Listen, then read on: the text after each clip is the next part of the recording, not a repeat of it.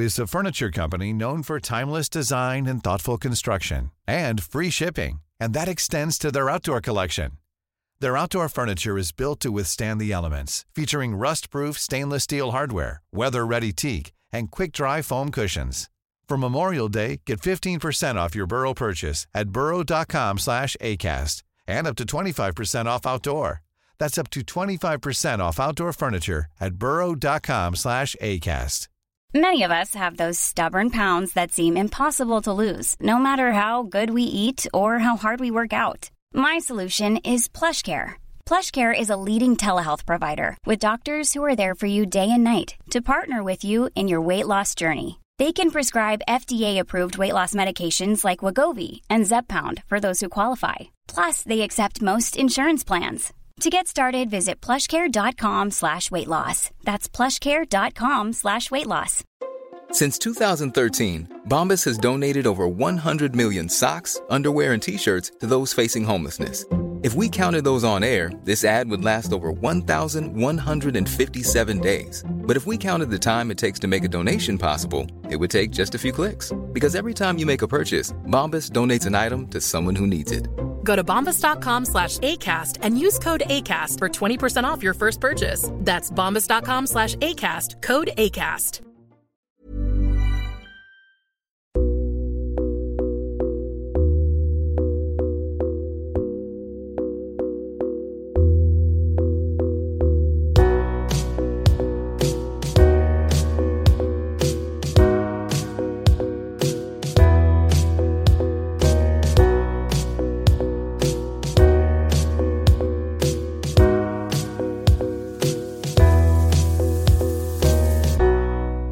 Du lyssnar på Säg vad du vill Åland, en lokal podcast med fokus på fria samtal.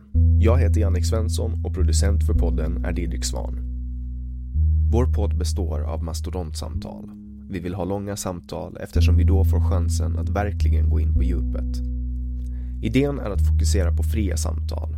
Det här är ingen debatt eller någon form av duell där det finns en vinnare och en förlorare. Det här är ett samtal där vi lägger fördomar åt sidan och där målet är att minska polariseringen. Vi tror att öppenhet är grunden för det demokratiska samtalet och vi vill uppmuntra dig som lyssnare att välja att exponera dig för samtal med någon du inte håller med om, hur triggad du än blir. Det kommer att diskuteras en hel del politik i den här podden och för att du som lyssnare ska slippa tänka på vad jag som programledare står politiskt kommer jag att med egna ord redovisa det för er. Jag tror på öppenhet även för min del. Min politiska bias, mina glasögon och min ideologi är frihetlig liberalism och jag är aktivt engagerad i politiken. Jag kommer att göra mitt bästa för att min partiskhet inte ska lysa igenom mitt uppdrag som programledare i den här podden. Men eftersom ingen människa kan vara objektiv så hoppas jag att ni med den här informationen kan åsidosätta mina eventuella brister och misstag. Det här avsnittet presenteras av Webax, hemsidor och innehåll. Jag heter Jannik Svensson och du lyssnar på Säg vad du vill Åland.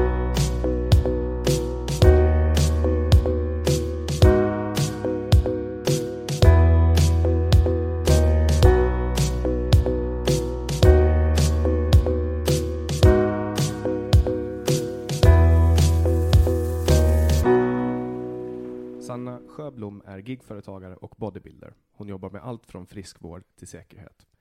Hon viger den största delen av sin tid till träning, kost och bodybuilding. Välkommen hit, Sanna Sjöblom. Tack. Och nu har vi också Kajsa Borgström med oss. Hej Kajsa. Hejsan hejsan. Och eh, nu ska vi ju prata, antar jag, eh, träning och hälsa. För att du viger en stor del av ditt liv till det. Ja, man skulle väl kunna säga att det är en del av, del av mitt liv. Sådär jag blev på- nyfiken på på vad, vad, vad är, vad är gig, gig, så var det gigföretagare? Eh, ja, det går ju ut på helt enkelt att jag har ett företag och så sprider jag ut mig till massor med olika, gärna små entreprenörer som kanske inte har råd att anställa till exempel, så kan de hyra in mig helt enkelt. Okej. Den nya gigekonomin, det låter ju som, som någonting som påminner lite om min situation också. Bara det att jag har en ganska, eh, ganska tydlig nisch på, på det jag jobbar med. Jag jobbar nästan bara med kommunikation. Mm. Men du jobbar med allt möjligt, från dagvaruhandel till eh, friskvård. Ja, jag är allt från i butiker till eh, ordningsvakt på nätterna till hästskötare till ja, klienter som jag hjälper med kost och träning och ja, och sen fara in och jobba som servitör ibland. Då. Alltså väldigt brett. Så, Så, när, någon, när någon frågar vad du jobbar med, vad säger du då? Eh, jag brukar kalla mig entreprenör, så därför då vet man ungefär att ja men okej, hon har många järn i elden. Men basic brukar jag säga då att ja, men, jag jobbar som PT och ordningsvakt då, bara för att Ge folk så här en bild av vad du ja, för det är oftast det de förknippar mig med ändå. Så. Mm. Och sen tävlar du i bodybuilding. Korrekt. När, när började du med det? Eh, tanken slog mig väl i 2014 var det. Så kände jag att ja, men, det kanske skulle kunna vara kul. Ehm, och sen var det 2015 jag gjorde min första tävling. Och sen har det varit lång paus för det går inga bara på ett år att bygga upp en ny fysik. Så det har fått tagit tid och allt annat i livet ska ju klaffa för är någonting, någonting annat fel i livet så då är det jättesvårt att hålla sig på en diet i ett halvår och träna så mycket som det gör och jobba samtidigt. Hur många timmar om dagen tränar man då inför en tävling? Mm. Du har ju oftast en... Det går ju perioder, men du har en promenad, morgonpromenad mellan 45 minuter till 60 minuter, så här powerwalk innan frukost, riktigt så här bam, bam, bam. Och sen har du gym då som tar en och en halv plus 20 minuter eh, high intensive cardio då, riktigt hög puls cardio efter det. Så ja, vad kan man säga, två, tre timmar totalt om dagen. Och, och, och det är en dag man tränar för? Jo, fast nu var det ju i två dagar faktiskt. Så det var ju, det var ju rätt så kul. Men Vad, be, vad bedömer de någonting? Är det liksom stora, stora muskler, symmetrisk kropp? Eller vad tittar man efter? Vad är det man strävar efter? Vad är målet liksom? Ja, jag brukar säga att det är som en hundutställning helt enkelt. Ja, Alltså- ja då, då förstår jag precis. Jo, för då vet du, du kollar på exteriören, liksom, Ja. att ja, men hur ser det ut och hur ser helheten ut för den klassen du är i? Att det är, jag får inte vara för muskulös, jag får inte vara för jag får inte ha för lite fett, men jag får definitivt inte ha för mycket fett och det är mycket sånt där. Vem har bestämt de här ramverken då? Och hur Ja. bedömer man det? Ja, alltså det går ju efter säsong också. Vad de här tio, eller ja, mellan fem till tio domarna som sitter framför dig bestämmer. Så de kan Och- helt plötsligt bestämma att det är dadbod som gäller? Och då är det Var jag höll chipstuttar? magen, Sanna. Sorry, glömde det hemma. Nej, men eh, att det finns ju en regelbok, precis som det här söker man då. Men sen kan det variera på, är vi ganska många som har låg fettprocent, så då kommer ju det bestämmas efter det. Liksom att då plockar de ut oss vad som är störst mängd av. Är det så att det är flera som har mera fett på sig och jag kommer dit jättehård, då kommer det inte sluta bra för mig, för de kollar ju helheten på allihopa och jämför där. Men då snackar vi typ så här extrema nivåer som typ 6%. Ja, kvinna brukar ju ligga mellan 10-12 ungefär. Och upp mot en 15 kan de vara. Men är du på riktig hård bodybuilding så då ligger du ju ner på en 6 procent. Men det är, ba, det, är, det är väl typ nästan bara brösten som drar upp fettprocenten kan jag tänka mig. För kvinnor. För att ki, alltså killar har väl typ mellan 6 och 8 procent som är... Eller? Ja, alltså männen kommer ju ner till de procenten. Ja. Men vi kvinnor har väldigt svårt att göra det eftersom vi är naturligt mera fett på ja. eh, just ja, men, bröst och rumpa, höft och alltihop. Så att... eh, För det är ju ändå, alltså för att komma ner i de nivåerna, om jag har förstått det rätt, så behöver man typ gå igenom världens eh, mest hemska dagar innan. Alltså typ bastu, torrt vin. Eh, ja, eh, det kan man ju, just de här riktigt extrema, så då behöver du ju gå ner. Men som sagt, du börjar ju skära bort vattnet. Du börjar ju göra dagen innan och börjar plocka ner saltet och sen börjar det torka sig ut. Eh, så det är en ganska konstig känsla. Jag minns 2015 då min första tävling var, då kunde jag dagen innan inte röra mig för jag var så yr. Så jag kände, jag ligger bara ner hela denna dagen. Eh, men i år var det lite bättre, för jag var ju beredd på vad som kunde hända. Så då spredde jag ut vattnet lite bättre. Så när man väl står där uppe på scenen, då är man typ svimfärdig. Eh, Ja, vi hade ju en tjej som höll på, och det syntes ju för Yle var ju där och filma. Så då var det en tjej som var på väg, liksom, och svimma omkull, så de tog henne av backstage. Och där står jag och värmde upp, stod och pumpa och då ser jag en tjej komma vinglandes och bara lägger sig ner och sen kommer ambulans och alltihop. Så hon har ju torkat ut sig så hårt då. Så att det, det kan ju vara lite den här känslan av svimfärdig. Du dricker ju lite vatten backstage, men du vill ju inte att kroppen drar åt sig för mycket, för då blir du ju se så svullen ut att det inte blir bra. Alla linjer liksom bara far. Och det här är egentligen då för att visa musklerna. Man ska få bort så mycket fett och så mycket vätska som möjligt för att liksom visa musklerna. Ja, Att det är det som är Korrekt. själva sporten. ja, du ska visa vad du har byggt fram. Och, och jag menar, jag tänker så här, man har ju alltid formsvackor i vad man än gör. Alltså, att ha en formsvacka den dagen man har en bodybuilding-tävling. Ja, det är ju kanske inte så optimalt. Men oftast ligger du så hårt så kroppen är i sådan fas ändå, så har du gjort rätt hela vägen med laddning av kolhydrater och salt och alltihop. Så då, då blir det ju bara bra. Men börjar du lite fallera, börjar lite leka med det, det är då du kan hamna på skit. Mm. Så gör du som det är sagt, då går det bra. Men börjar du tumma på lite, alltså vi behöver inga prata mycket heller, så börjar det lite falla i formen. Och hur, hur började det med bodybuilding? Hur kom, hur, hur kom du in på det? Eh, gladiatorerna kom passligt, tror jag. Ja, precis. Jag var också taggad där när de var med. Ja, Absolut. Helen och Cecilia Benjaminsson och så det var väl det att allting från början var att jag skulle bara smala ner mig lite och få bli lite tajt till sommaren, brukar jag säga. Men sen fastnade jag i det och så var det någon annan som sa att ja, men det, du borde ju tävla i det. Och så väntade jag några år och sen år eh, 2014 då så tänkte jag ja, men nu kör jag. Att jag vill inte tänka att jag aldrig har gjort det. Jag är en sån här som gärna vill göra en, en sak en gång åtminstone, så vet jag om det var kul eller inte. Och då fick jag tag i ett team i Tammerfors som var lite förvånade att en ålänning hörde av sig.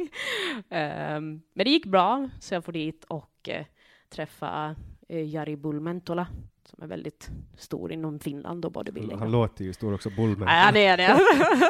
Chocken när man kom in dit. Okej, för sådana stora, eh, vad ska man säga, människor finns det inte här som är liksom, att det blir en väldigt, väldigt chock när man ser första gången så här in real life. Man är van att se dem på film.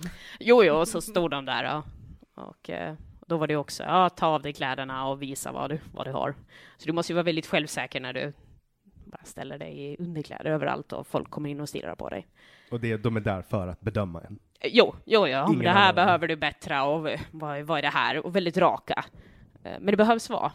För du kan inga, jo nej, det går nog bra, och så går det ju inte bra. Det är ju inte därför jag tävlar, utan jag vill ju att det ska gå bra.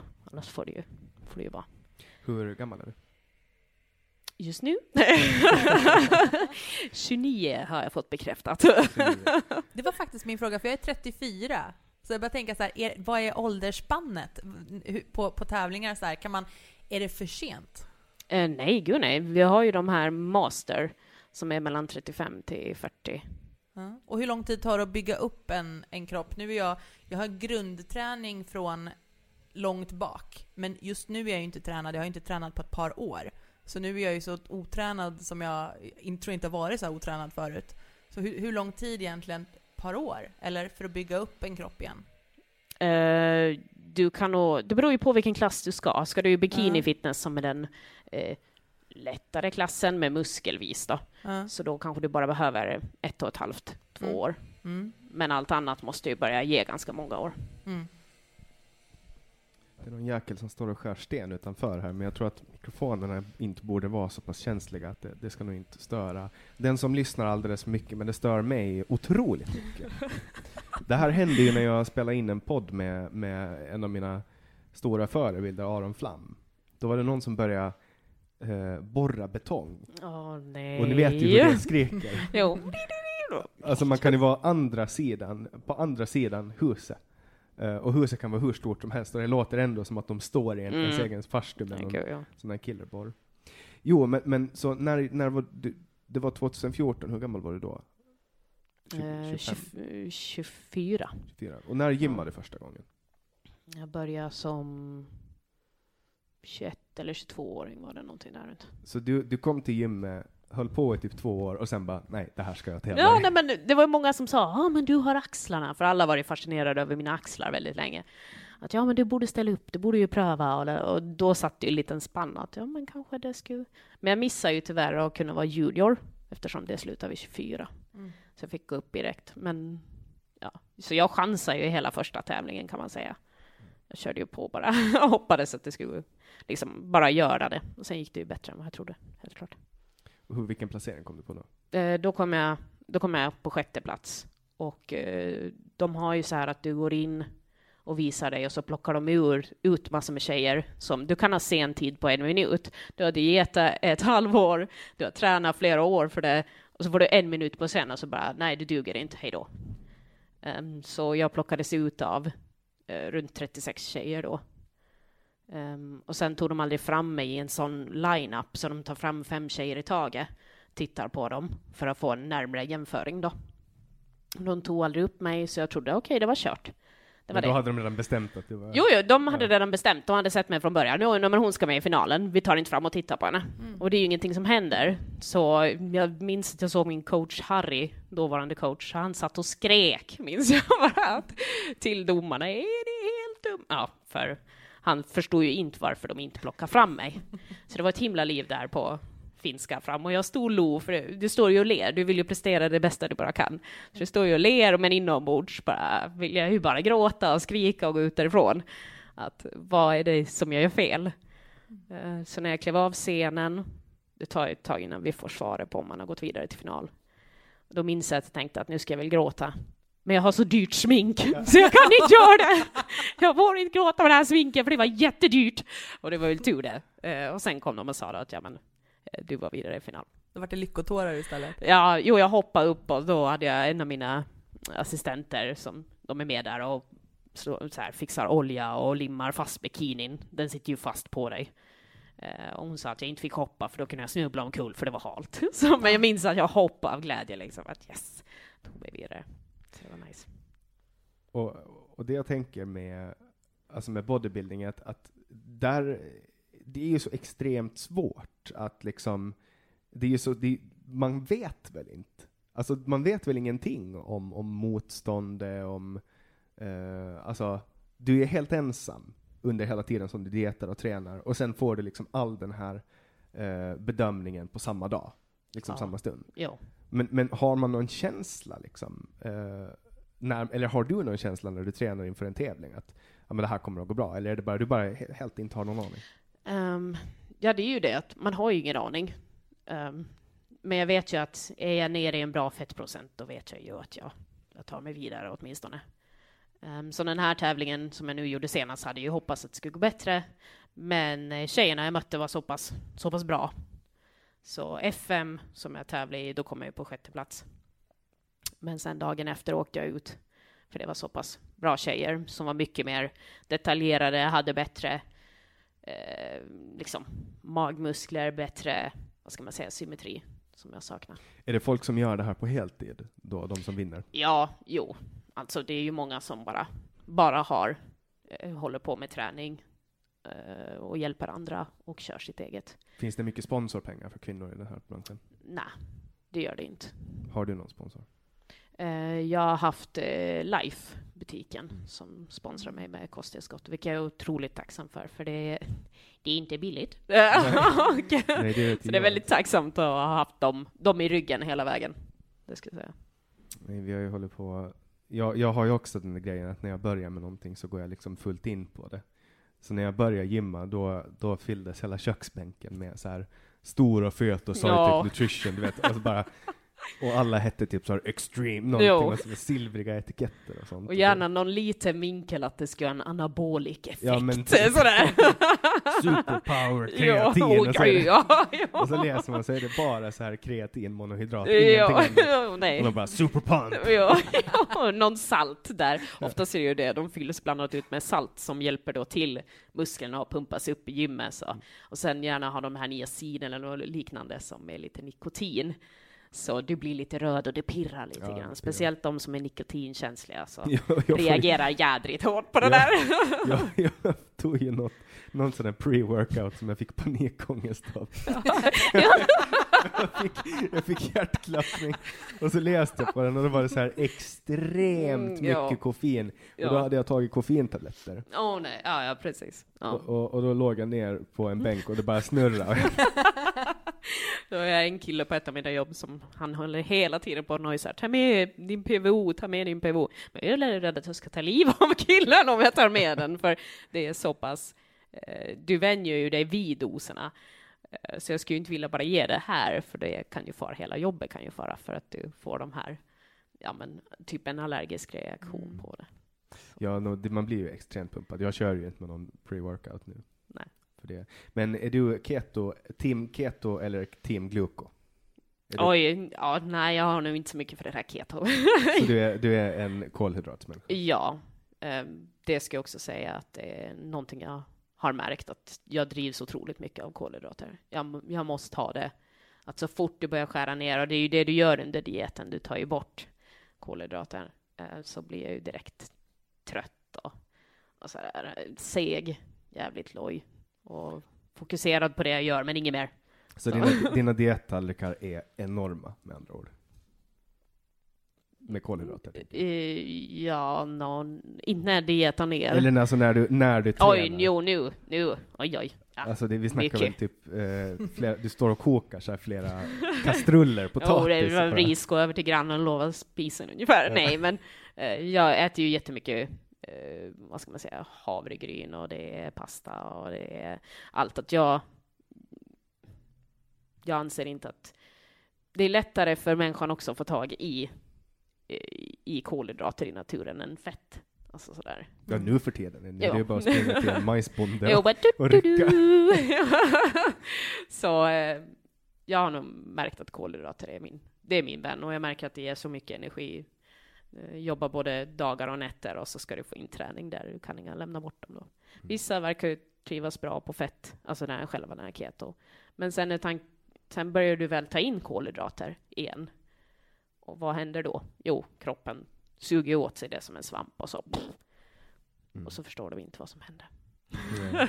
Mm. Nej, och, och det, är ju, alltså det är ju en ganska stor eh, polarisering även inom, inom näringshälsa i världen, just på grund av att man har liksom, nu börjar keto, eh, alltså fettmänniskorna, det börjar ju liksom växa, och det Mm. pågår hela ständiga den här konflikten. Jo. Jag är ju till exempel strikt keto, eh, och, och hamnar i bråk med folk hela tiden. Och Ja, ja. bäst och vad som är sämst. Och folk tittar på mina tallrikar och undrar om mitt hjärta ska explodera. Ja. Alltså sådana saker. Ja, nej, men jag tror att det där är ju någonting också som blir väldigt individuellt. Men jag saknar, om jag tänker att jag tar bort någonting så kommer jag mer sakna kolhydraterna automatiskt i kroppen. Jag kommer, min hjärna kommer mer styras av dem. Mm. Ehm, och jag känner mig mer mätt av det jämfört med om jag har massor med fett. Mm. Och där är ju någonting som jag känner att man måste verkligen lyssna på sin kropp. Ja. Pröva, experimentera och se vad är det som funkar för mig.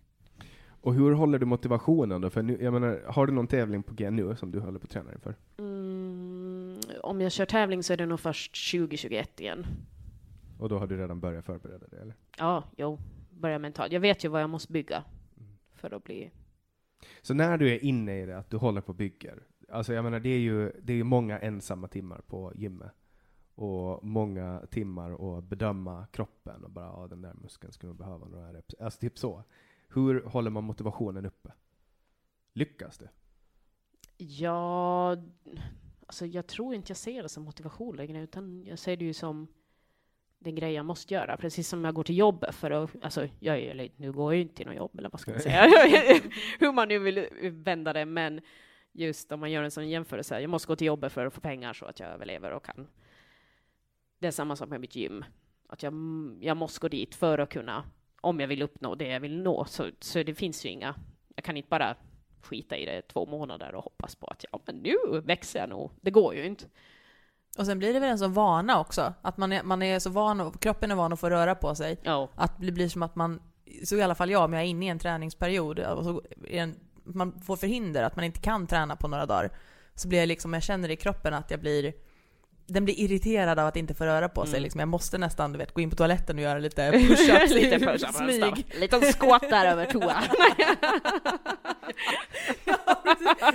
Jag, kommer, kommer tänka på en, på en, det var någon gång jag var på gymmet och sen så kände jag att jag var inte, det var, så här, det var lite, jag, var- jag var inte helt bekväm på det där gymmet, det var nog så det var. Mm. Så jag kände att jag, jag ville inte träna, jag, var, jag, var liksom, jag kände mig klar där inne men så hade jag liksom, kroppen var ändå inte färdigtränad. Så då liksom gick jag in på, på tjejernas omklädningsrum och så, så var jag där inne och gjorde liksom armhävningar och, Ja, och lite olika reps, så behövde jag inte känna att någon tittar på mig. nej. Eh, Så det var väl med den episoden som jag tänkte på, gå in på toaletten och så här, jag skottar på toaletten. Jag tänker ju direkt på det. Ja, ja, ja. Nej, men... Med Fitness 24-7, där finns det ju tjejgym. Mm. För det är väl, som jag har förstått det, oftast killar som är problemet för tjejer på gymmet. Att de håller på och tittar hela tiden. Ja, inte så mycket titta, men det är det här, jag ska hjälpa dig lite för du är tjej. Den har jag, kan jag fortfarande ibland få. Fast du är typ jo, då kommer det, jo, då, eh, det, jag minns en gång, det var för några år sedan, jag körde triceps, så här push down i en sån här vajermaskin. Så kommer det en gubbe fram. Med, ja, vi var väl lite olika fysik, om vi säger så. Men han hade ju tränat sen han var liten då. Och då kommer han fram och visar då och vevar till med den där stången hur, hur jag ska utföra de här Mm. eh, triceps pushdowns då för att det ska bli optimalt för mig. För Ja. Det, det vet ju han som... Jo, jo, jo, jo, han hade ju stenkoll på det. Och jag kände när jag tittade på hans triceps att ja, jag tror, nej, jag tror, jag tror jag håller mig till mitt. Ja, och så kollar du på dina triceps. Ja, jag, bara, jag tror att de är bättre. Och mycket det här att, det var därför jag bytte gym, en del av orsaken nu, det var för att eh, jag fick inte vara i fred med mina vikter. Som jag till exempel böjde och hade haft vikter, kunde det komma, undrar om de lyssnar på det här, kommer det tre män, och när jag går iväg och dricker, då ställer de sig under stången och börjar känna hur tungt det är. Jaha, de typ prestige. Jo, nej, men de vill se hur, hur mycket lyfter det. Och körde jag marklyft, då stod de där och ryckte i den sen. De, ja, de, ja, de stod ju och tittade, gjorde de ju. Att det blir just den där, jag bryr mig inte om att folk tittar. Men du rör inte mina vikter när jag är där, att det blir mera den här. Och de gjorde ju inte med någon Nej. annan kille eller Nej men det, det, man är ju inne i sitt eget och man vill Mm. inte bli störd. Nej. Det är väl där jag har också haft mm, folk som, eller nu kommer fram någon kille och talar om för mig att så där ska inte en tjej kunna göra när man håller på att göra hang-ups. Eller du vet, man, man häng, drar, drar upp Ja, sig liksom. Pull-ups, tack. ja. Eh, så här, det där ska inte en tjej kunna göra. Och det är så här, eh, ser Ja. du mig just nu eller? Ja.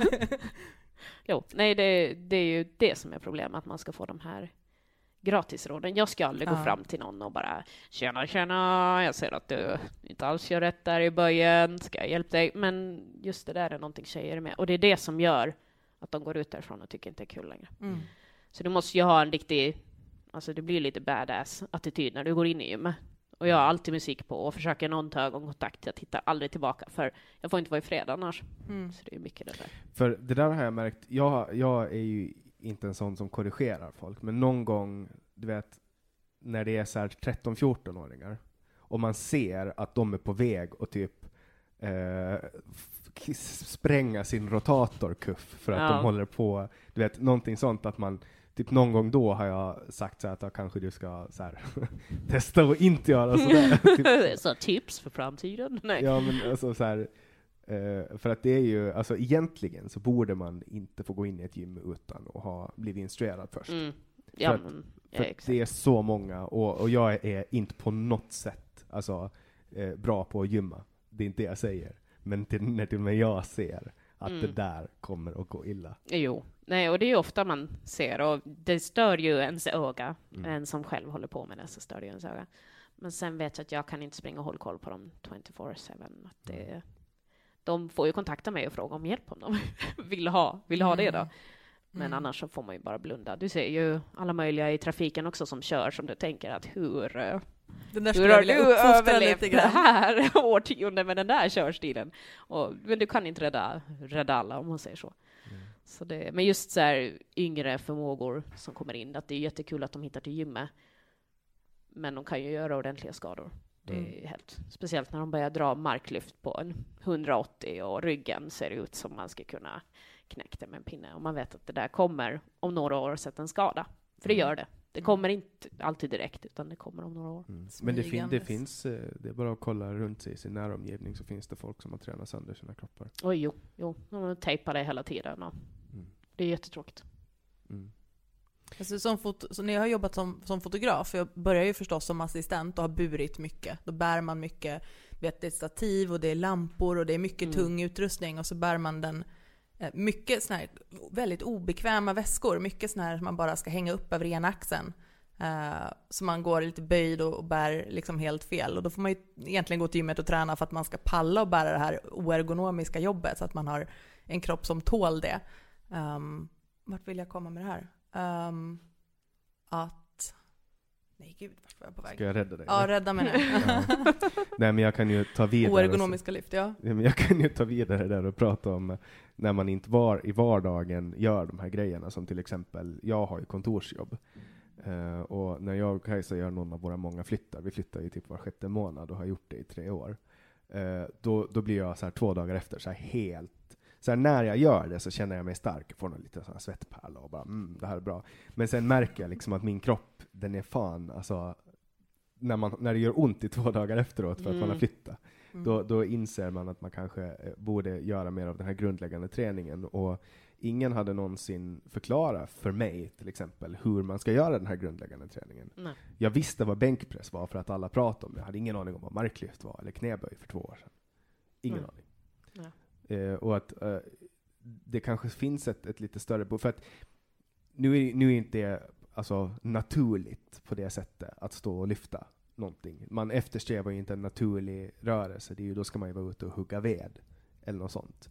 Men, men eh, alltså om man till exempel kollar på vad den här grundläggande träningen gör för folkhälsan i stort. Mm. Eh, alltså en, en 70-åring som går och gör lite marklyft, knäböj och bänkpress. Det ökar ju massvis, alltså grund, grundläggande hälsan. Jo. Ja, och det blir ju hjälp på eftersom, ja, men jag tänker också när du plockar upp saker från golvet, det är ju så många av de här rörelsen du egentligen har. Du böjer dig ner, du plockar upp något, du lyfter upp någonting. Alltså, och det är ju väldigt grundläggande rörelser i gymmet, och det gör du ju ofta även privat och hemma. Lyfter, ja, men du lyfter upp en låda eller något mjölpaket in i något skåp, direkt gör du ju liknande övning som en axelpress. Men skillnaden är att det är så lätta saker i vardagen så att man inte känner när man gör Mm. fel kanske. Eh, Ja, nej men det är ju sällan, det är sällan du drabbas av det, men där är ju liksom grunden till de här övningarna Mm. och varför de är egentligen ganska viktiga. Du behöver ju inte du behöver ju inte vara med i styrkelyft direkt, men eh, ändå liksom eh, våga lyfta lite tyngre.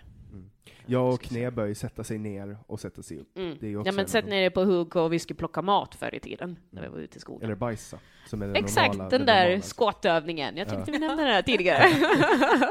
när, när vi var i Kina så fattade inte jag att, för de hade ju hål, det var som toalettringar som var så här nedsänkta i marken. Ja. Och jag förstod, jag tyckte det var vidrigt att man skulle måste sitta på golvet med händerna bakom ryggen. Så jag, så jag vägrade de där toaletterna, så jag gick Mm. och höll mig fram tills att vi hittade en normal vattenklosett. Mm, Och sen tyckte jag det var jätteroligt när vi åkte en färja, eh, att det var en skylt att man inte fick stå på Nej, toalettringen utan och du skvatta. skulle, vad, skulle sitta på huk, eller vad var det? Eh, Ja, så man fick liksom inte stå och skvatta på, utan man Nej, måste nej, sitta på nej. ringen, med Ja, fötterna just uppe på ja. ringen. Ja, Men då säger de ju bland det mest ergonomiska Jo, för men alltså du vet, stå på, om, alltså stå på toalettringen, som är liksom en vanlig Ja, toalettstol. ja, ja. ja, men det är väl så vanligt då. Som de visar. Men det var först när vi kom hem igen till Sverige som, jag, som, som Kajsa sa att man ska skvatta på toaletterna. Mm. Det hade inte jag fattat. Då förstod jag plötsligt varför han hade vägrat. Ja, men det var bara att ställa sig. Ja, sätt dig ner, goddammit. Det, det var, eh, men, men sen eh, ser man liksom att det är ju det naturliga sättet att, Ja. att sitta. Eh, väldigt många människor kan inte skvatta idag, inklusive Nej. jag. Ja. Nej, mobiliteten bland annat till knäna är väldigt, eh, väldigt få som kommer. Ofta säger man att ass to the grass, en så här vanlig term, att du ska kunna böja dig så pass lågt. Men det är Mm. jättesvårt att folk ens ska komma i någon liksom rimlig 90 grader eller något sånt. Att det är, jag folk är jättestela. Man, och så är det väl den sittande generationen. Vi Mm. sitter och tittar och sitter i skolan och kanske borde ha ståbord i skolorna. Ja, ja men eh, de hade ju de här eh, yogabollar bland annat. Alltså, Mm. Det brukar jag ofta, en föredrag att sitta framför skrivbordet är på en yogaboll. ja. För då sitter man ju och rullar lite hela tiden och så Jo. kan man lyfta upp fötterna och så får man liksom Jo, aktiverar bålen och Ah. kåren hela tiden. oslagbart. Ja. Jättebra tips, och billiga är de också. Ja, bara gud, liksom, ja, en 10 euro kan du få Ja, någonting för. ja. Skit och ingenting. Jag gjorde ju ett riktigt kap där i Stockholm. Från, eh, det var, de var på väg att kasta en, en stol från kontoret jag var på. Det var någon som hade haft en specialstol. Det var just en sån här med en boll. Vad heter de? Eh, någon slags backup, balans. backup heter de. Mhm. Eh, och, och då är det liksom en boll och så är det som, eh, som, som den står på och sen är det en ring runt, jättestor ring. Så, Ja. så att man kan liksom inte falla, men då sitter man hela tiden och, och aktiverar bollen. Mm. Och jag var jättenöjd över den där och jag ska ta hem den och nu tar jag hem den. Men varje gång jag sätter på mig, mig på den så tar det så här fem minuter så får jag ont i ryggen och så hoppar jag tillbaks till, Nej. till den andra. Aktiverar fel, eller får aktivation i hela... Ja exakt, så man bara den här bålen Ja. bara nej, nej, nej, nej. inte igen! Men hur, hur växte du upp? Växte du upp och var i rörelse, eller var du ett stillasittande barn, eller var du ett aktivt barn? Nej, jag var nog aktivt. Eh, jag kommer från Saltvik, västra Saltvik. Västra det här är viktigt. Det här är jätteviktigt att nämna att man, vilken del av Saltvik man är. Och jag är då västra. Och eh, där så hade jag ju nära till skogen. Det var ju precis utanför huset. Och min mamma har alltid sprungit, orientera, skidning. Så Mm. det blev naturligt för mig också. Just det. Eh, Men det var ju de här klassiska, fotboll och sen är det längdskidning, liksom Mm. längd, som är min grej då. Mm. Och sen springa lite då och då. Min kusin var en väldigt duktig kanotpaddlare.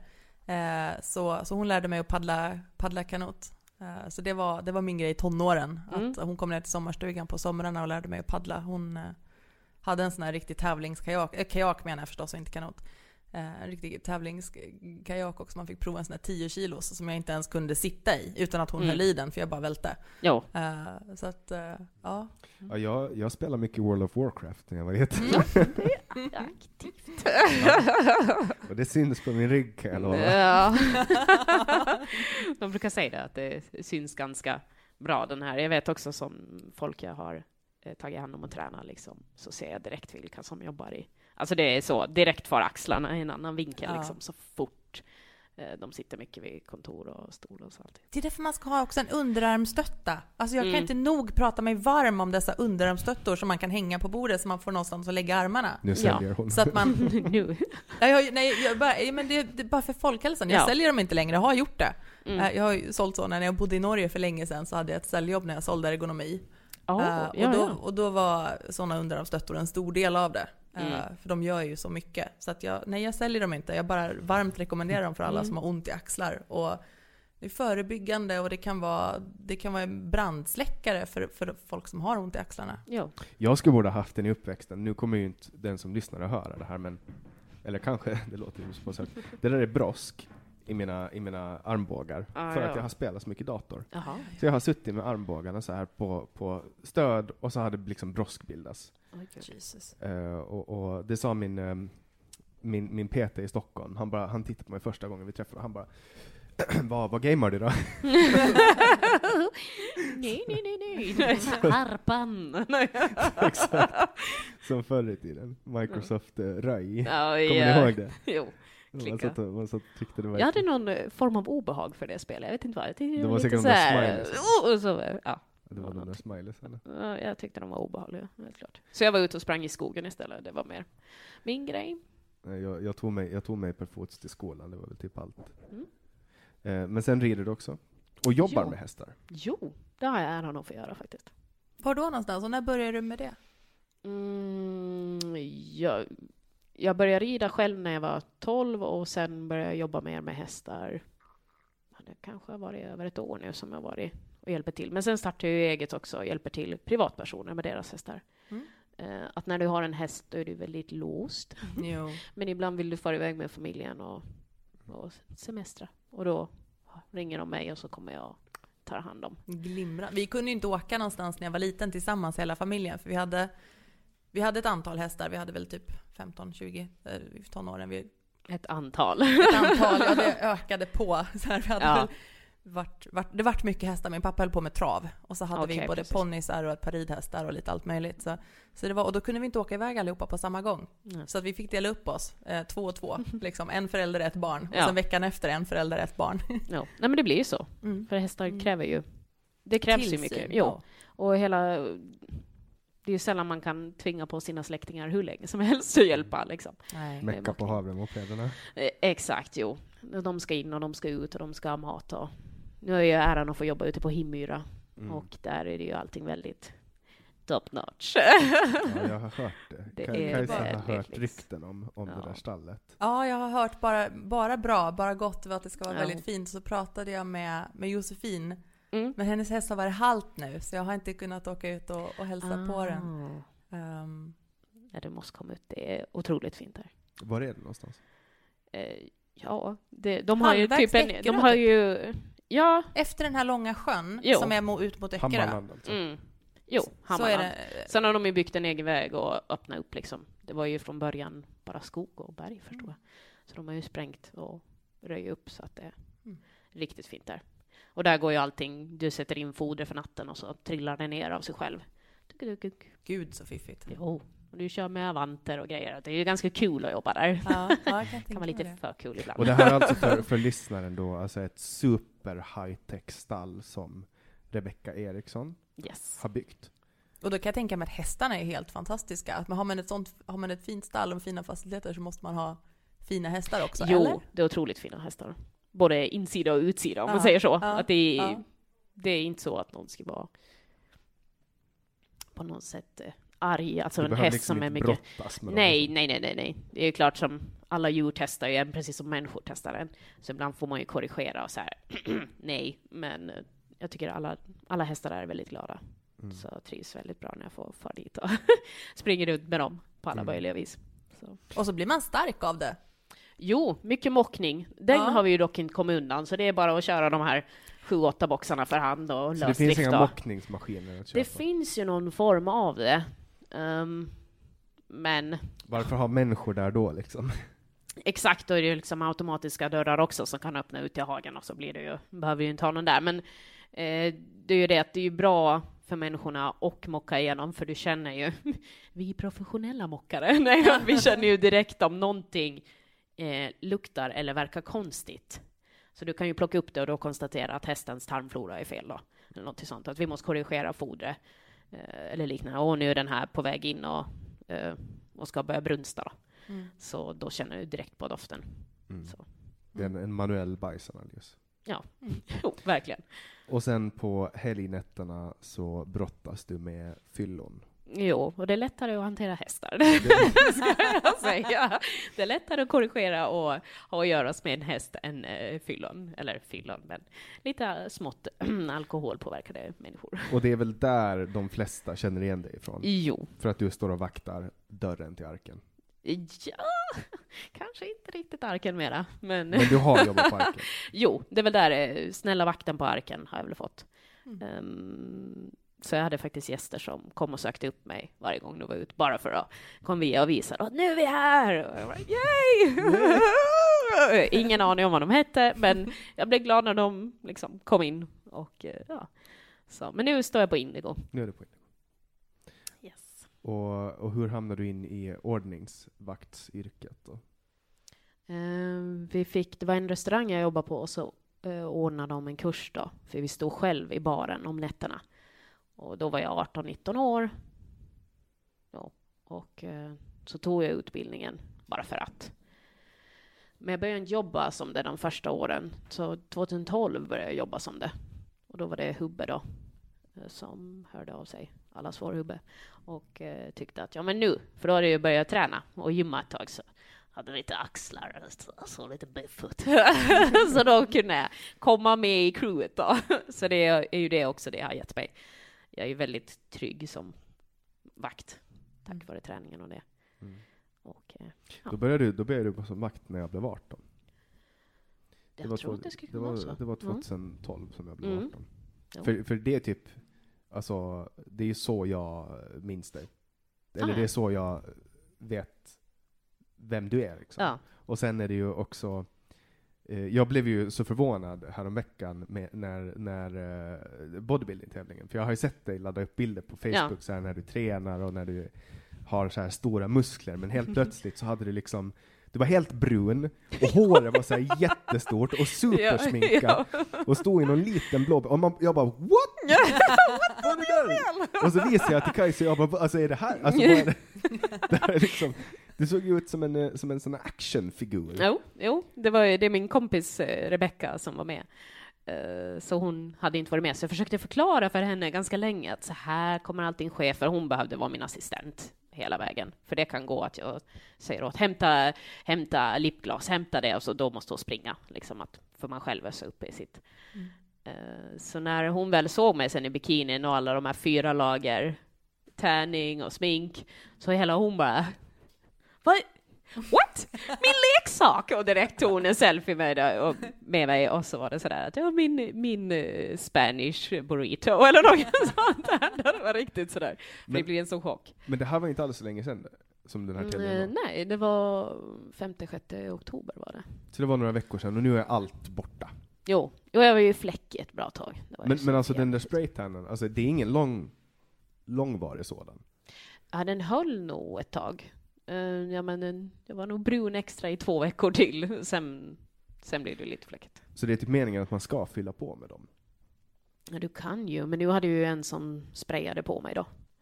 Så jag går in i ett rum med andra tjejer och så står hon där och så skriker hon åt mig, lyfta arm hit och dit och. Som en fängelsedukt. Mm, Så ja. slang, och så står de och sen står vi alla, sen står vi alla, för nu, hon försökte vara effektiv, så vi var tre tjejer, så har man gång. Så hade hon en liten sån här fläkt som blåste då, för du ska ju torka. Du kan ju inte börja ta på dig kläder, för då Mm. blir det fläckigt. Så vi alla, alla tre tjejer står där, fullt sminkade, hår i en sån här badmössa.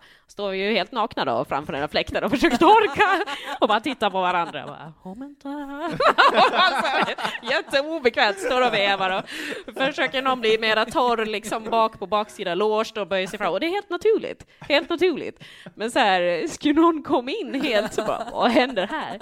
Hej! Och står och vevar lite med armarna upp och försöker torka bara. Tre stycken extremt muskulösa, Mm. Ja. nakna tjejer som står i någon konstig Jag bara, hej hej! Och det jobbiga är att fast dörren öppnas och det var ett gym utanför, alltså i den nivån så bryr, du bryr du dig ju inte snart om vem som ser dig Nej. naken. Alltså du, du skiter ju i det, alltså du orkar ju inte tänka på det ens.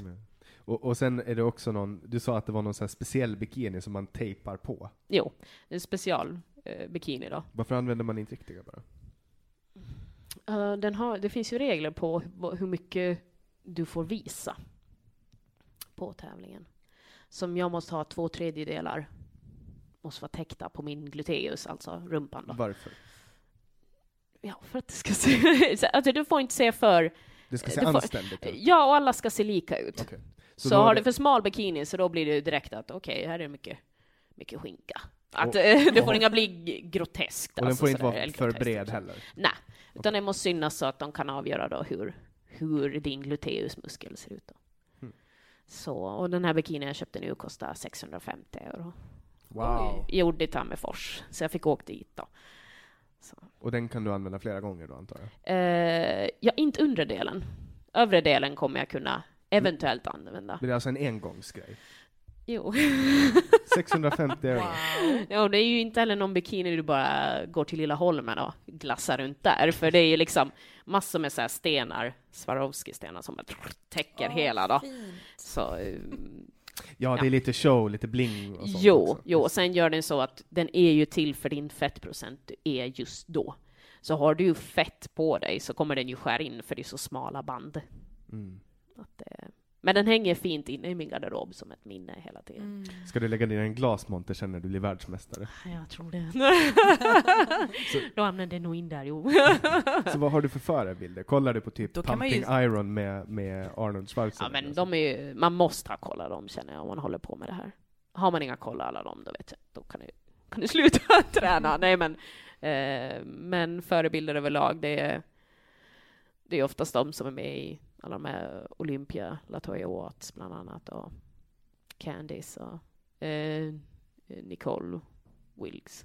Ja, som är, hon är four time winner av det största då i, i USA.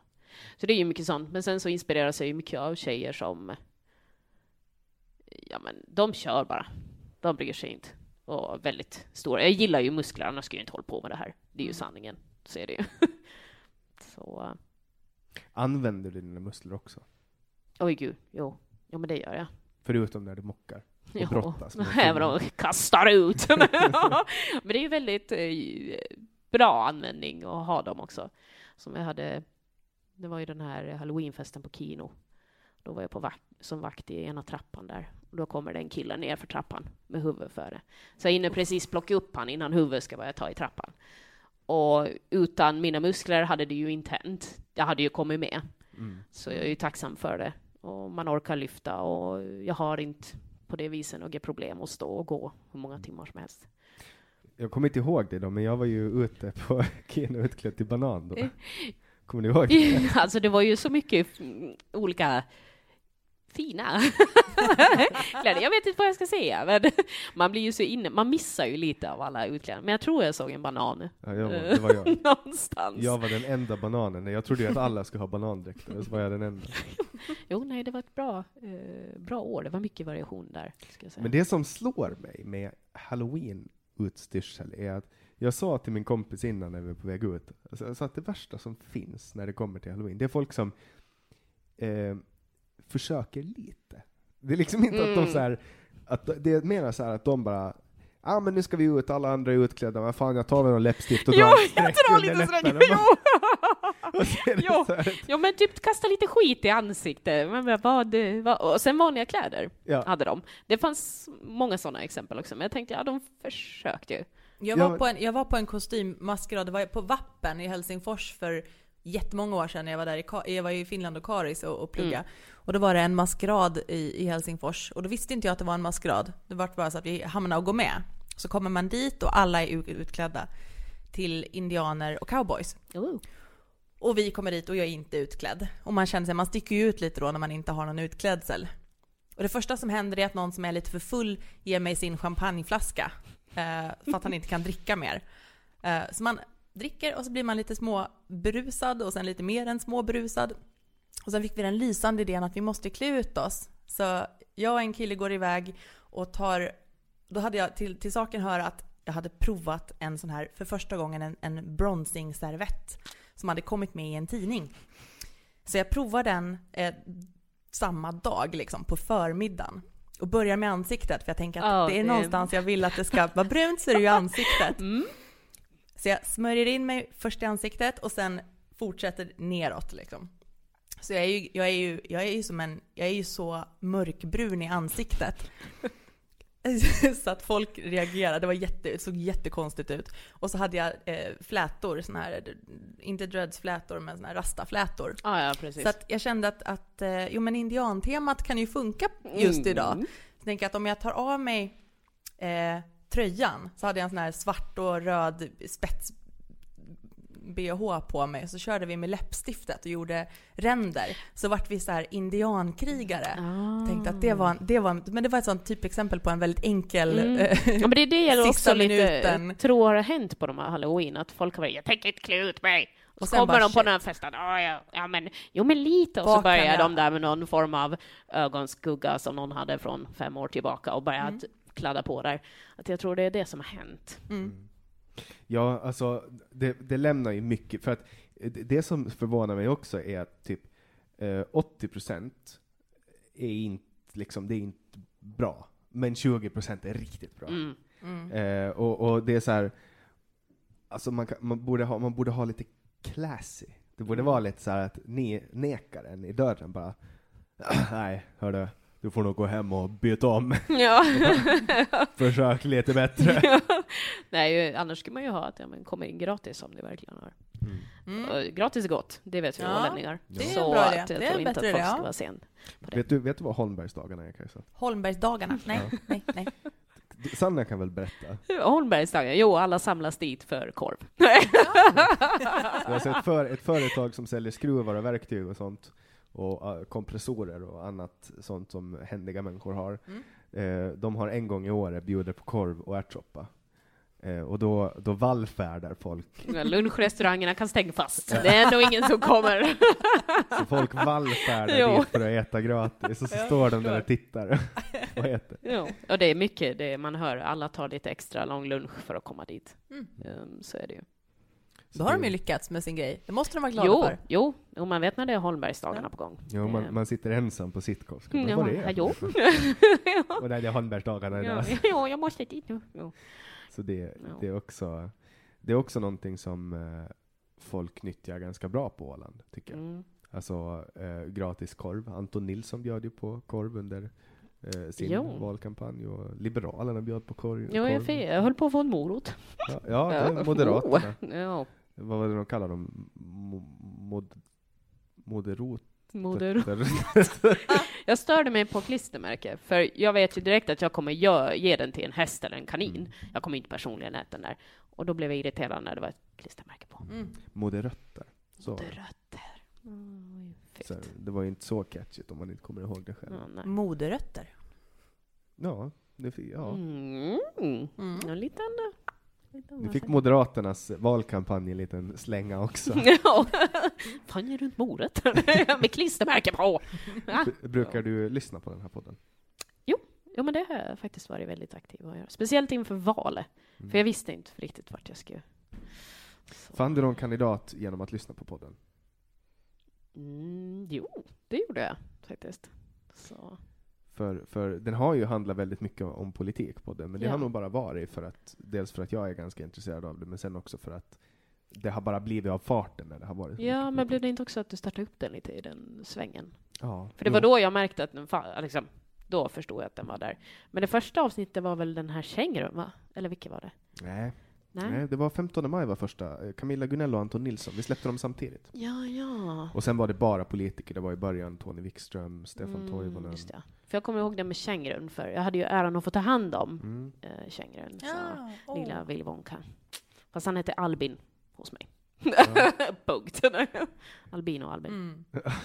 Ja, för det var ju också en sån här, det var ju också en ganska, eh, för att jag gillar att hålla på, alltså att, ing, att jag inte har gästerna på förhand bestämda, Mm. så många, därför att då kan man lite anpassa sig. Så då hade jag liksom dagen efter, som, eller samma dag som den här kängurun fångades in, så, så fick jag en anledning att ta in Peter och, och liksom sådana grejer. Mm.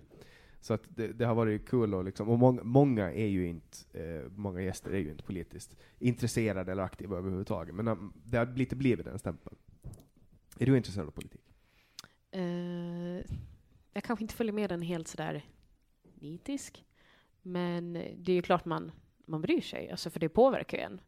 Jag blev väldigt upprörd när min förra pojkvän inte röstade. Då var det ett himla liv, kan jag informera Mm. Stackarn.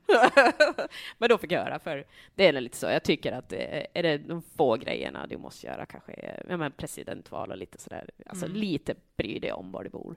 Ja. Sådär att det, för det kan gå så lätt fel, Ja. alltså. Mm. ja, och det är ju de som inte röstar som lämnar över det till alla andra. Men rösta, Ja. Då får man hellre rösta blankt.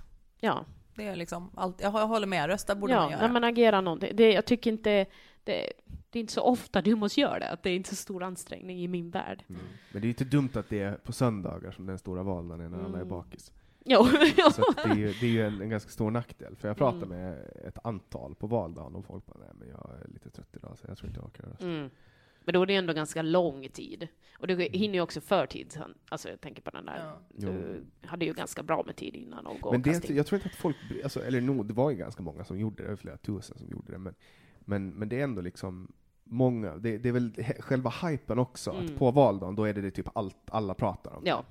Och det är ganska konstig stämning på valdagar i Ja. övrigt. För att det är ingen som, jag tror att de flesta märker att det är någonting som händer. Mm. Har du en egen häst också, eller rider du bara på andras hästar? Mm, nej, jag har två egna. Har jag. Vad har du för Steja häst? och Kenza. Det är, är två varmblod är det. Ridhästar, eh, varmblod, rid... Ja, de kommer ju från... Eh, hon ena ska ju köra sin för trav. Eh, min första häst, Steja då. Ah, Men det gick ju inte så bra. Hon förstörde väl lite vagnar och visade väl tydligt Ain't gonna do this. Eh, Kenza tog jag i, eller hon heter MT Ken Lucky då, så det är väldigt fint travnamn. Ehm, så hon tog jag i februari. Hon ska ju, du vet, hon har kört så nu sprang hon inte in pengar mer. Mm. Så vad gör man med den hästen? Ja, men man ser om någon vill ha den, annars skjuter vi bort den. Så jag är lite svårt ännu, det är för travlivet är nu. Jag kan säga det är nog hemligheten bakom alla våra hästar, hur hur det kom sig att vi har så himla många, eller Mm. hade så himla många. Det var ju för att vi fick ett föl varje år. Och sen från och med att jag var kanske 12, 13, 14 någonstans så fick vi en märr till. Så då hade vi två föl som kom varje år och min pappa funkar inte så att han skjuter bort de hästar som Nej. inte springer utan Mm. de fick ju gå på grönbete och, och bara vara pensionärer. Och Ja. en del var ju bara t- från ålder två, liksom Ja. två, tre, att inte... Ja, han är en sån där uh, hästhoarder. ja, det, det kan man lätt påstå. Vi skulle samlare. göra mera plats i stallet en gång och tänkte att vi säljer bort en av islandshästarna. Då hade vi då två islandshästar. Eh, vi, vi säljer den ena islandshästen så, så får vi en box ledig. Eh, det gick inte så bra för de hittade ju två ettåriga hingstar istället. Så vi bytte liksom en mot två. Ja, ja. stå- Ja, så så det blir fler. Ja, men det är bra. En bra byteshandel tackar man inte nej till liksom. Ja, de var faktiskt riktigt fina. Det var många Mm. år innan de gick att rida på, för de var bara ett när vi fick Ja, dem. Okej, ja. ja. Så det är Ja, ju fyra år till så kunde Ja. vi börja rida in dem. Uh, Ja. Så det var också det var många hästar som bara gick i hagen faktiskt. Mm. Uh, så. Det är en ganska rolig familj i övrigt, Kajsas familj. En gång sålde de en bil och då fick han som köpte bilen en, en kanyl i rumpan. Mina, föräldrar, Okej. mina, föräldrar, ska, mina föräldrar är veterinärer alltså. Ah, ja, ja, ja. Inte, Okej, bra, bra förklaring. Vi kör på den. Men det är också så här, när man, när man eh, är med, alltså ka- när man lever med Kajsa så har man alltid kanyler och sånt hemma. Ja. Och så här spensalva och typ antibiotika för, för djur och sådana grejer. Lite Skabbmedel och sånt där. Man vet aldrig. Löss. Mm. Avmaskningsmedel. Nej men sen har Kajsa varit så här, det är någon så här speciellt antibiotikapreparat som, som hon har varit så här jättenoga med att man alltid ska ha. Det kan vara bra att ha. Mm, Det är bra att ha. Ja, och sen så, sen så blev ju hunden Luna biten i somras. Och då var det så här, då var vi till veterinär här, och, och de var så här, ja gör det här och det här och det här, och skölj så och så och så. Och så blev såret bara värre och värre. Och så ringde Kajsa upp sin mamma, och vi är så här på Facetime. Eh, och Kajsas mamma bara, ja men nu ska ni behöva, vad nu det här preparatet heter. Ska jag säga namnet? Ja men säg det. Det är streptoselin. Streptosilin. Och hon bara, ja nu. Och då frågade jag veterinären också när vi var på plats och de sydde Ja. ihop henne, så frågade jag kan vi få en, en, en tub med streptoselin? För jag tänkte jag vill ha en ny. Ja. Eh, och han sa att nej det ska inte behövas. Nej nej, han bara så här, nej det använder vi inte längre. Han ja, bara det så var här- så han sa Han ja. bara, det, det, det har man slutat använda för länge sedan. Jaha. Och så såg Kajsas mamma deras sår och hon bara nej, streptosilin på. Och då hade såret bara blivit värre och värre. Och så eh, dropp började Mitt i Kaj- sommaren, det var ju i Ja. slutet på juli det här. Ja, och så började Kajsa använda det och sen typ så här efter ett Vart ju- halvdygn så hade det blivit bättre och så Ja. blev det bara bättre och bättre. En jävla Typiskt. mirakelsalva det Men- och då där. har Kaj- Mjukgörande antibiotika. Alltså, Ah, Och då har ja, Kajsa ja. hållit på att baxa runt på det där streptosilinet i flera år och bara Nej, jag har bytt. Jo, jag menar alltså jag- bytt, men ja, det jag har alltid... byter. Samma. Nu är den är riktigt gammal och bra här. Från 82! Jag kommer ihåg en kompis till mig hade sår i näsan en gång också. Hon, hade, hon åt så himla dålig kost. Hon åt liksom bara ja, men hamburgare på McDonalds. Hon åt Ja. liksom ingenting nyttigt alls. Så hon fick eh, skörbjugg. Oj. Oj. Det är Eh, inte så så vanligt ett, det nu. Nej, det är inte så vanligt längre. Så hon fick ju bara pressa i sig C-vitamin i alla fall och Ja. sånt där. Men, men innan så hade hon ett sår i näsan som inte ville läkas. Jag bara, nej men du är lite streptoselin Ta igen vad vi har. Läkte ihop fint, men sen började hon tappa tänder nästan så att det lossnade lite. Det blir ju så här, Och då var du oj, inne i tandhålen med streptosilin. Stoppa in det Nej, här. så- Lite Så munvatten. såret försvann, men sen fick hon ju ändå liksom gå Ja. Pressa på med C-vitamin och massa andra. Så, så Ja, det, alltså, det misstaget har hon inte gjort om Nej, det förstår jag. Gud. Skörbjugg, eh, det var ju en gammal eh, sjöresarsjukdom. Jo, som För att de fick- inte fick i sig C-vitamin på sina Ja. resor över havet. Mm. ja. Mm. Ja. Så det, man visste ju inte varför folk dog. Nej. De bara dog. Mm. Och, och sen, sen först tappade de tänderna, och sen dog de. Mm. Sen, Precis. gamla sjömanshistorier Ja, från som Åland. förr i tiden. Mm. Ja. Mm. Nej, men man blir ju stark. Jag har ju nog fått grundstyrka i att jag är uppväxt på en gård med alla dessa Mm. hästar. All mockning och allt liksom eh, skörda hö Ja, på höbärgning med höbärgningen. Alltså när man var Ja. tio och räknade ut att men idag har jag lyft ett och ett halvt ton Mm. sammanlagt. När man Ja. faktiskt räknar ut det så blir man så här: wow. Det var ju roligast när man fick åka liksom på flake. Då får man ju Eller, andas jo. ut mellan Ja. åkern och hem. Jag vet att vi åkte väldigt... Där jag började med hästar, det var i, i granngården där vid oss. Eh, Så då åkte vi ifrån eh, ner till Hamsunde från eh, Näs, Toböle, där vi Västra Saltviks brandstation. Det var ganska långt och där åkte vi där bak på flake. Du, du, du. Men det skulle man ju inte göra, eh, göra idag till exempel, för det skulle bli ett himla rabalder. Men där var det ju upp med barnen 12, 13, 14 år. Bara, Upp med bara, håll i er när det går undan. ja, det är så länge sedan så det är preskriberat nu. Jo, jo, jo, jo. Och småbalar, men vi höll på med småbal. Mm. Nu är, jo, det nästan, nu är det nästan aldrig man gör det, det är längre. bara Det är nästan- maskiner. Ja, Ja. Men då var det liksom att man skulle stå bak på flaket och ta emot balarna och Ja. stapla dem. Det var ett jävla lyftande. Samma Jo, bal skulle Tetris, lyftas. det var liksom, det var grejer. Kunde du Tetris, då var det här inga problem. Exakt. Och snabb skulle man vara. Alltså när, Mm. man, när jag kommer ihåg en gång, det var ju, man var ju så ganska liten då som sagt. 10-11 var jag när vi flyttade ner till den här gården och vi började börja ha mer. Eh, Och det var ju, man var oftast två på flaket för att man Ja. skulle liksom hinna med. Jag hinna med när de kom upp. Ja. Och så Ja. var man, vart man ensam och stå någon gång så var man ju helt jävla slut sen. Ja. Jävlar vad man fick. Jo, för det kom ju, jag vet vi hade en dräng med, dräng med oss, han, han lever tyvärr inte längre, han heter Kalervo. Han pratar så här, för han var från Finland, så han kom alltid och frågade om vill du ha rökt abborre? Det var liksom rökt abborre där. Men, riktigt så här långt skägg, och så var det finsk musik, så här tango, dansmusik och mm, ja, det var fullt röj i hans lilla stuga.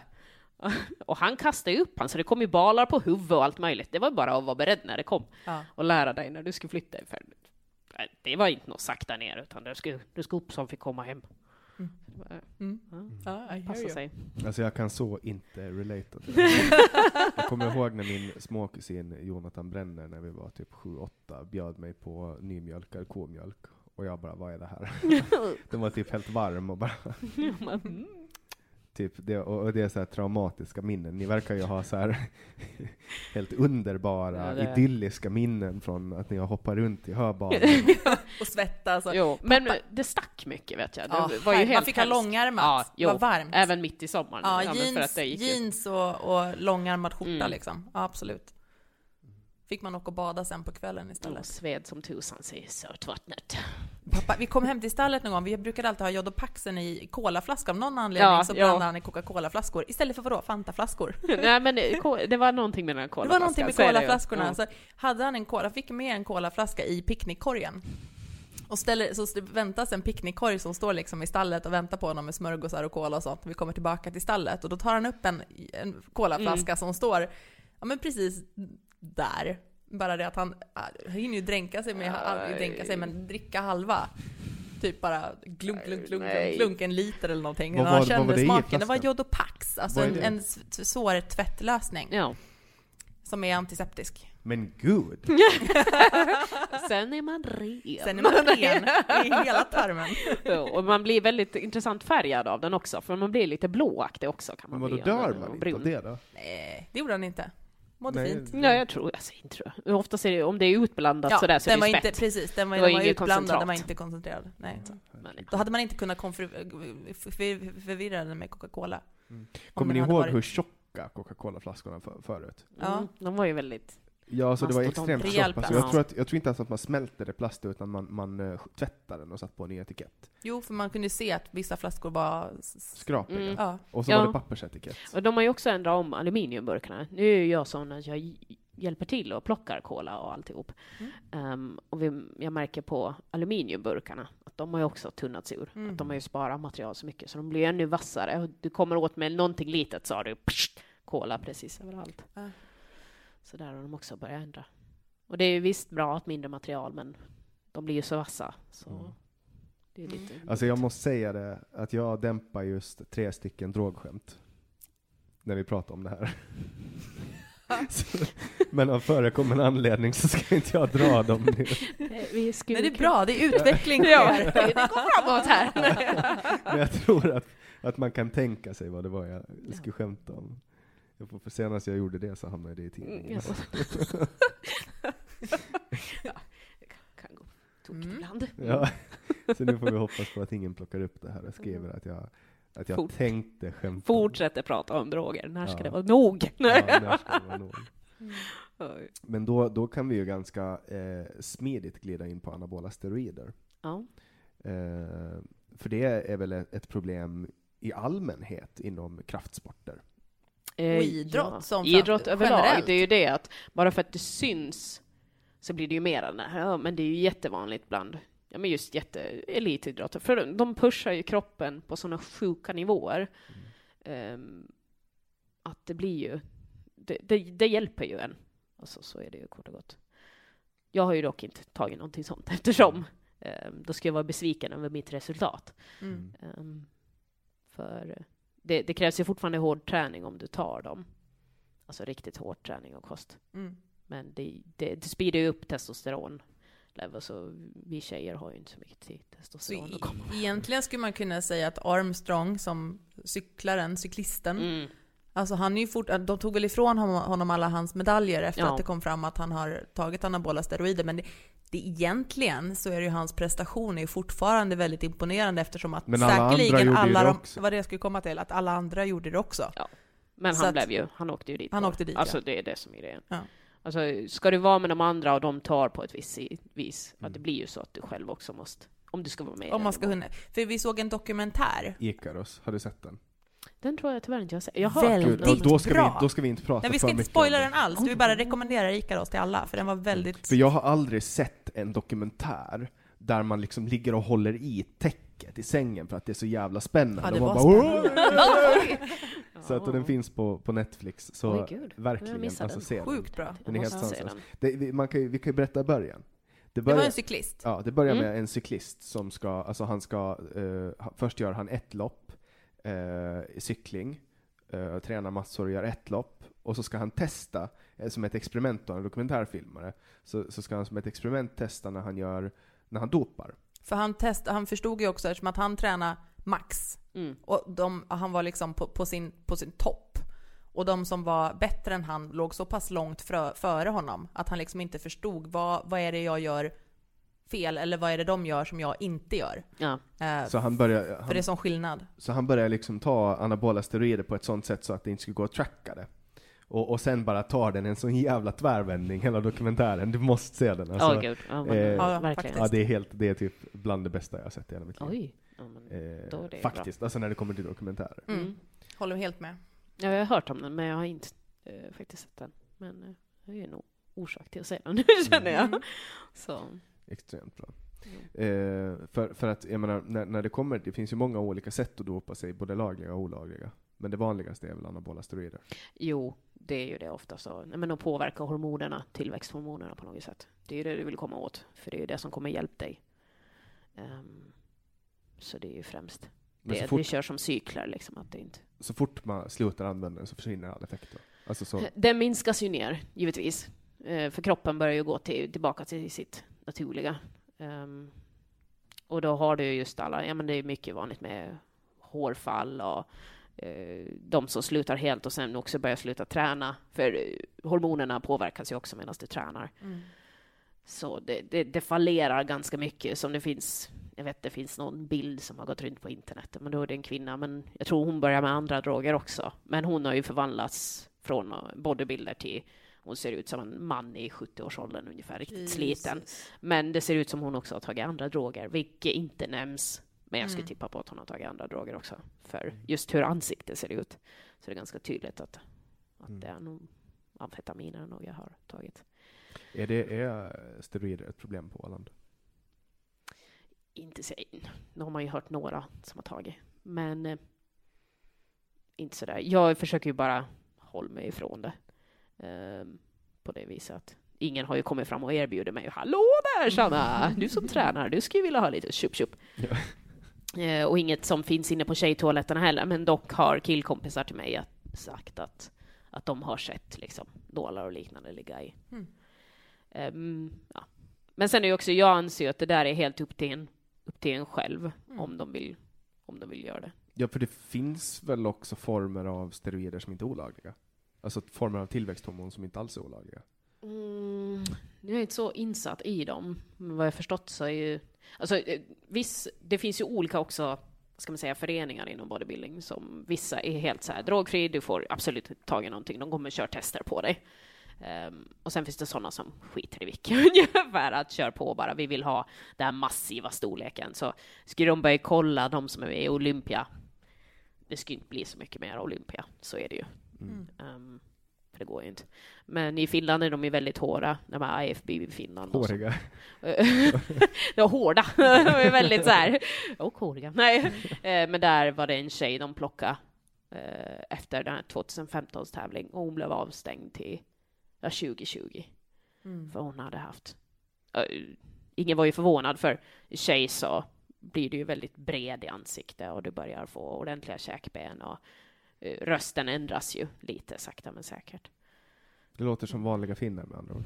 Jo, jo, jo, så inte förstår jag hur de plockar henne. Nej, men, eh, ja, För, så. för jag märkte på gymmet när jag var hemma på Åland någon gång förra vintern innan jag flyttade tillbaks. Eh, då var jag på idrottsgården och helt plötsligt så kom det en, eh, en gubbe i så här grå kostym och portfölj in och, och, och prata så här knackig svenska och bara Ja. och så gick han fram till en av dem som höll på att träna och han Ja. bara Ja, hej, eh, jag kommer från bla bla bla, myndigheten bla bla, eller någonting så här, Mm. kontrollerar. Jag skulle bara vilja att du kommer med här och gör ett slumpartat slumpvalt test. Och då var det typ så här, han skulle antagligen tävla eller någonting. Ja. Eh, hade signat upp sig för en tävling och så kom de och gjorde Mm. något slumptest. Ja.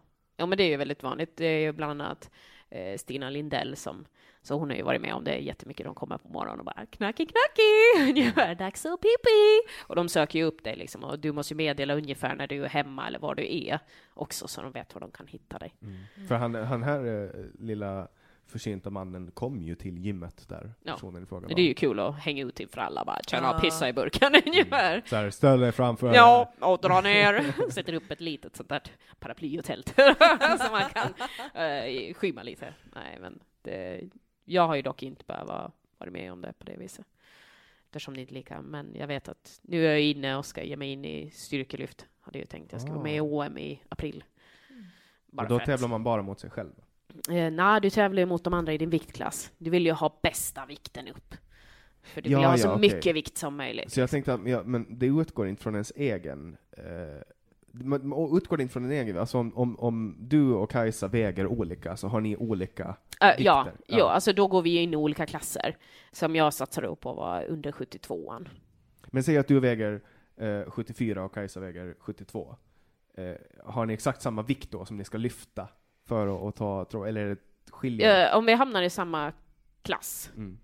så då blir det ju den som lyfter tyngst. Okej, Så är det ju. Men sen kan de ju ha den här Wilks då, som går hur mycket vikt per ja. eh, kilo du har. Det är det jag. Eh, men oftast är det ju inte, det går ju inte att jämföra med i den här den klassen du är i då, utan där Mm. handlar det om att lyfta tyngst och lyfta bäst. Men sen finns det de här Wilks-poängen man kan räkna med då.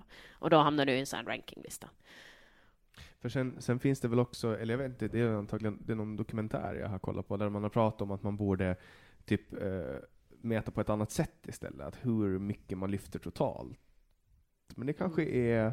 Ja, så totala summan blir det ju liksom av mark och böj och, och bänk. Jo, men alltså att du, att du tar, om du gör fem reps, så får du 20, vikten gånger fem. Att man har lyft totalt, att då kan man göra sex reps med lite mindre vikter istället. Men det är Ja, crossfit. Det är nog crossfit med som börjar låta som det. Ja. Här är det ju liksom, du vill ha fram, du har tre lyft på dig inom varje. Och det är att du ska sätta dina, du vill ju ha så hög totalpoäng som möjligt, totalvikter. Och det är det bästa av de tre lyften som räknas då? Ja. Så man får inte ta det sämsta bara, nu jag vill att det Nej, det jag sämsta. skulle vilja vara lite sämre idag, så jag vill hamna på tredje plats, så jag stryker den där. Nej. Ja. ja men typ att man, att man vill, eh, att man vill vara lite cool och bara lite här, notera det Ja. sämsta och bara, Ja. Jag hamnar sist. Nej. Nej men alltså man, man vinner ändå fast man Ah, ja, jag menar, nej. Är tror, lite jag tror inte någon har gjort så. Eh, Jag vill inte heller den som är intresserad av att göra sånt. Det är bäst. Det ska vara högst. Så nu tränar du med grabbarna på idrottsgården då? Nej, det gör jag inte. Det har kommit förfrågningar dock att jag borde förflytta mig dit, tycker de. Men eh, jag håller mig på träningsverket. Just det. Så vad, vad är det som gör att du tränar på träningsverket då? Mm, Jag har bara en och en halv rondell att ta mig igen. Så du bor i, du bor i Dalbo? Eh, ja, eller bor i Jomala-området då, om man säger så. Eh, liksom mot eh, typ Brandepån. Ah, okej, okej. Så, och då behöver jag inte ta så många rondeller. Mm. Nej, för annars, alltså ska du till, eh, ska du till idrottsgården, då blir det ju Ja, eller Avantia vill ha. Det två, tre, fyra rondeller. ja. Så du, du är ju snurrig när du kommer ja, fram. ja. Nej, men det är väl fler. Vänta nu. Du har ju Maxinge? Maxi, för jag blir ju alltid Två i svänger. Maxinge. Eh, Maxinge har det där och sen så kommer det ju sen vidare till, ja men där vi... Dalbo? Ja, och sen kommer Röcka, Röcka. sen kommer sjukhusrondellen, och sen kommer rondellen vid Tekniska verket då, som vi just far det, igenom. och sen Och sen, eh, så, ja, Fantasia. Fantasia om du tar den vägen, men annars svänger man ju oftast upp så man kommer den här... det, Ja, men jag tänker på idrottsgården. Ja, just det. Där. Ja, Okej, men så, så sex den eller sju rondeller? Ja, jo. Om du tar en Så, sväng via stan? Alltså, och det, ja, nej men, tid är pengar. Nej Ja. men alltså, halva vägen är ju bara rondeller då. Ja, det så är, det- har du reagerat på att det är rondelltätt här? Kanske? Ja, men det har, ja, det har jag gjort. Visst är det mycket rondeller på Åland? Jo. Men jag gillar rondeller betydligt bättre än rödljus. Oj, så gud, det ja. funkar bra. Men eh, sen, du tröttnar ju på att sitta och åka igenom dem 511 gånger. Ja. Men ännu värre är den här stenbeläggningen. Rondeller har jag inget emot, men sten, den här stenbeläggningen, den är jobbig att köra På över tycker jag. På. Ålandsvägen ja. Den skakar hela Drum, bilen. drum, drum, drum, drum, drum, drum, drum, drum. Ja. Ja. folk är, är måttligt irriterade på det. Jag kan Mm. begripa det faktiskt, för den är, den är lite jobbig faktiskt. Den är lite det. Har du någonting som är löst på bilen så garanterat att det börjar komma Ja. loss innan det är klart. Skramlar av där, då får man stanna och plocka upp allting sen och få vidare. Det tar Det är säkert tid. därför din bakdörr Ja, precis. Jag har Ja. haft lite problem med min bakdörr på min skåp, min lilla Aha. skåpbil. Den har Ja, liksom ja. äh, låst dåligt, så den har ju farit upp. Låsmekanismen och, och, och det har varit liksom ja, men det blir ganska pajat. starka vibrationer om det blir Ja, så den där flyger upp när man kör på Ålandsvägen. Mm. Men nu har jag går- fått hjälp att laga den, Ja. så nu, nu har jag problemet att nu kan jag inte öppna den istället. så bra jag lagar den lite för, för bra, Ah. så nu måste vi kämpa med att få upp den istället. Ja, men den, den flyger inte upp i alla fall. Nej, det gör den inte. Och det är lite skönt, för det är lite jobbigt när den flyger upp när man kör. Jo, jag har ju lite grejer där bak som jag skulle behöva vid något tillfälle. Så. Ja. Blir det igen stanna och plocka upp. Det. Ja, eller så får man ta, ta sig in på annan väg, Ja, så att säga. man får köra runt hela ungefär. Men det är första gången du är, är med i en podd. Jo, ja men det är det. Radioprogram, check. Det har jag varit. Ehm, men inte med i en podd så här. Men du, du, du har jobbat på radio, så nämnde du det. Mm. Du har spelat in radio. Jo, det har jag gjort. Jag hade tre trevliga timmar med Sanna. Mm. Yay! Det var väldigt populärt bland eh, vissa kön. Och det här var Så. på Still FM. Jo, så det var ett bra tag sedan. Men det var kul. Det var trevligt. Hur länge sedan var det då?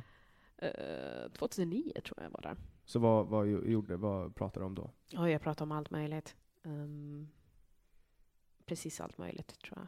Och spela mycket musik som jag tyckte om. och det- sen mycket som folk önskade. Var det specifika dagar eller Jag tror jag hade, jag jobbar nog måndag, fredag tror jag. måndag till fredag eller måndag och fredag? Måndag till fredag. Ah, Så du jag jobbar alltså Ja, varje dag? jo. Jag Mm. hade min show. Men sen blev det mycket sidojobb och till slut så blev det liksom för mycket jobb så jag måste börja välja.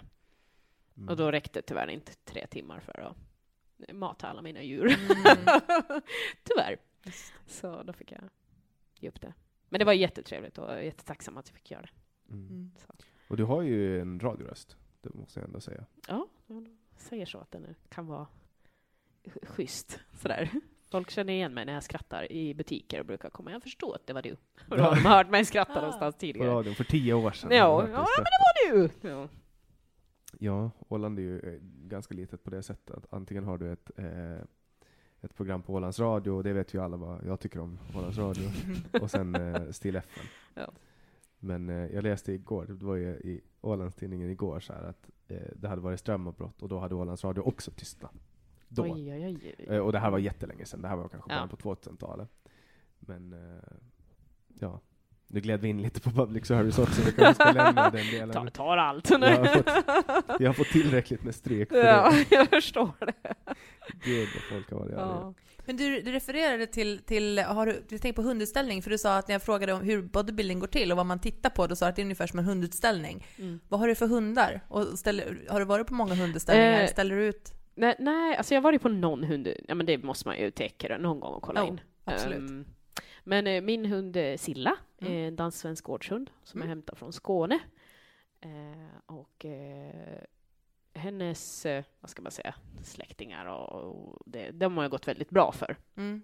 Så hon har jättebra, trevlig exteriör, säger man tror jag. Ehm, men ingenting jag har varit intresserad av just själv då. Just det. Mm, för Silla är lite sådär mot andra hundar. Hon har blivit bättre nu, men förut var det... så det var väldigt lätt att gå med henne lös, för hon ville inte hälsa på någon. Så, så det är, och sen tar jag hand om eh, min systers hund, som är en blandning mellan border collie, collie, labrador och stövare. Okej. Så kommer det ett rådjur i skogen, Ja. hej då. det bär av. Så, men, Ja.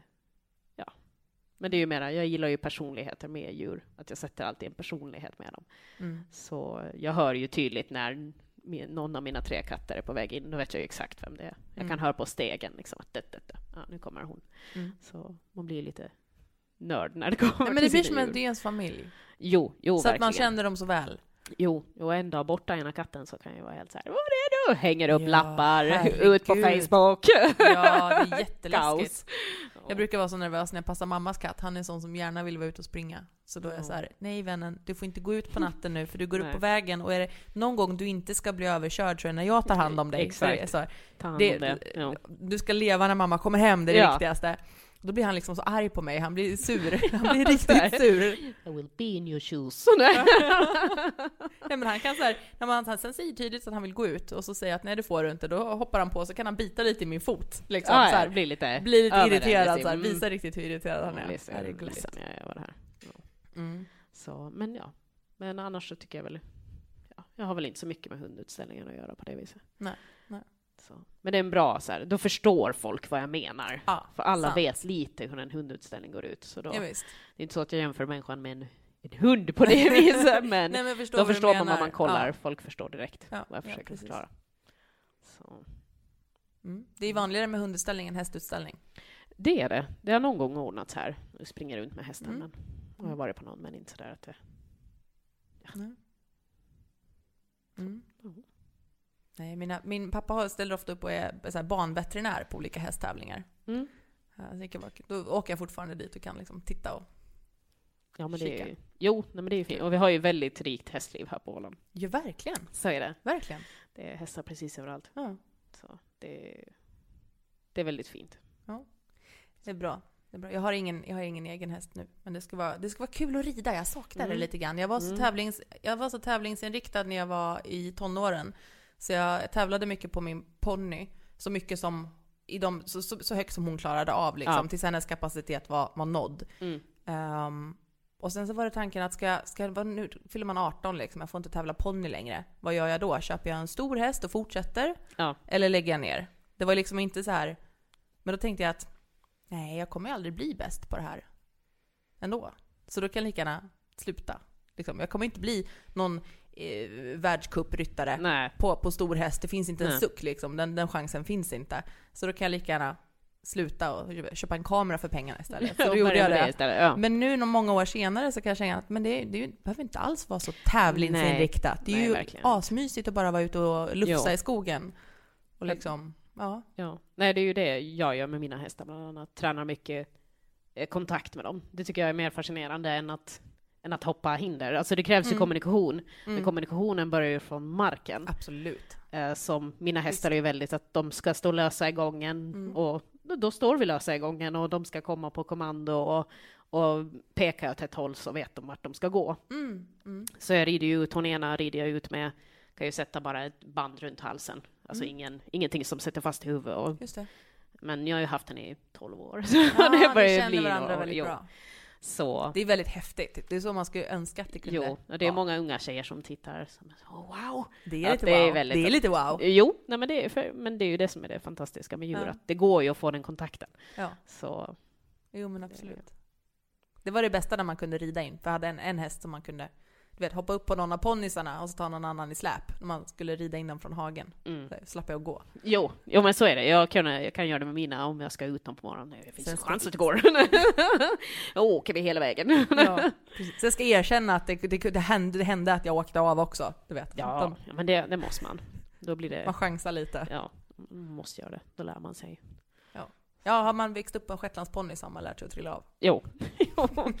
Det, det, det är helt klart sant. Mm. Så är det. Mm. Mm. Mm. Och kanin. Och kanin hade jag också när jag var liten. De är mysiga. De är mer personliga och mer smarta och så här än vad Ja, folk jag, tror. Jag har ju Puppe då som min kanin heter och det är den enda mannen i mitt liv brukar jag säga. Finns inte så mycket mer än som eh, orkar vara kvar. Nej. När- tjejen är på starkare Ja. liksom Jo, mer... mestadels feminint där hemma och så. Då är jag Puppe då och han får ju bo ute tills vintern kommer. Då får han flytta till stall. Mm. Så, men han är nog verkligen så här, tittar på mig och så sticker jag in huvudet. Hej Puppe! Och så försvinner han direkt. Bara, nej!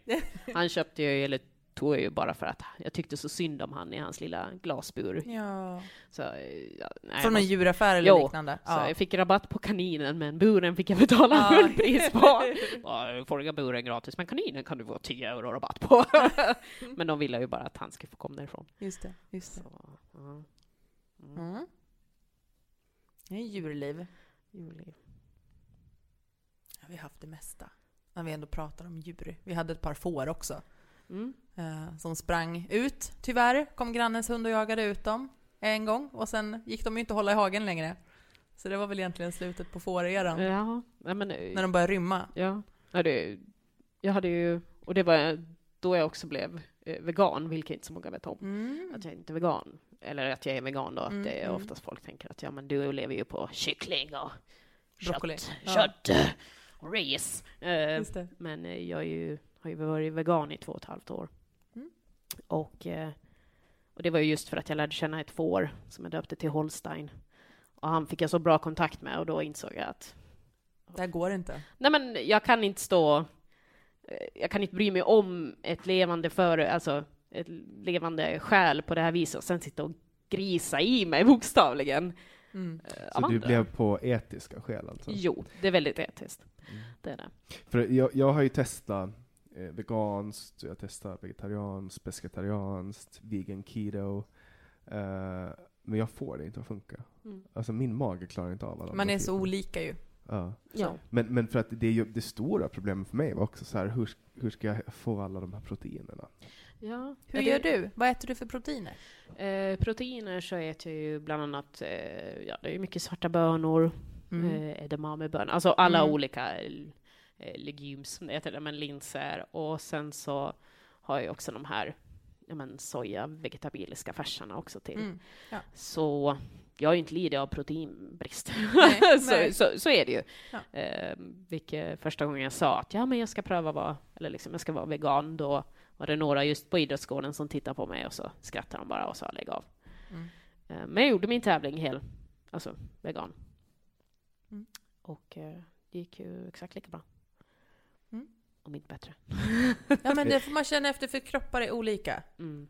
Ja, men så det är att man måste med, få känna efter så här, vad, vad som passar Ja. för en själv. men det är mycket med enzymerna i magen, hur de reagerar. Du måste ju Mm. vänja om hela din tarmflora. Mm. em, till det. Så det är ju klart att det är lite tokigt ett bra tid. tag. Jo, nej, men nog var jag det ett, länge. Men jag kände att jag kunde inte, kunde inte bara sitta och äta Mm. djur mer eftersom jag bokstavligen tycker de är alltså fantastiska. Jag har mer bra Mm. kontakt med dem än vad jag har med människor ibland känns det Ja. som. Så, Jag förstår precis. ja, exakt. så, Mm. så, så blev det med det. Det är som man ska ha en papegoja. Jag tänkte för det är synd för djuren dör så fort i jämförelse med oss Mm. människor. Så Jo. man avverkar liksom ganska många djur på ett år. Eller på ett liv. Mm. Men en, en papegoja, en sån som blir typ Mm. 80. Mm. Det hade varit lite coolt. Ja. En sån har jag önskat mig. För den... Jag hittade ju papegojmat på S-market en gång. Mm. Och, och då tog jag en massa bilder på roliga etiketter. Översättningar. Mat till katten finns. Nej. Ja, exakt. Mat för katten. ja.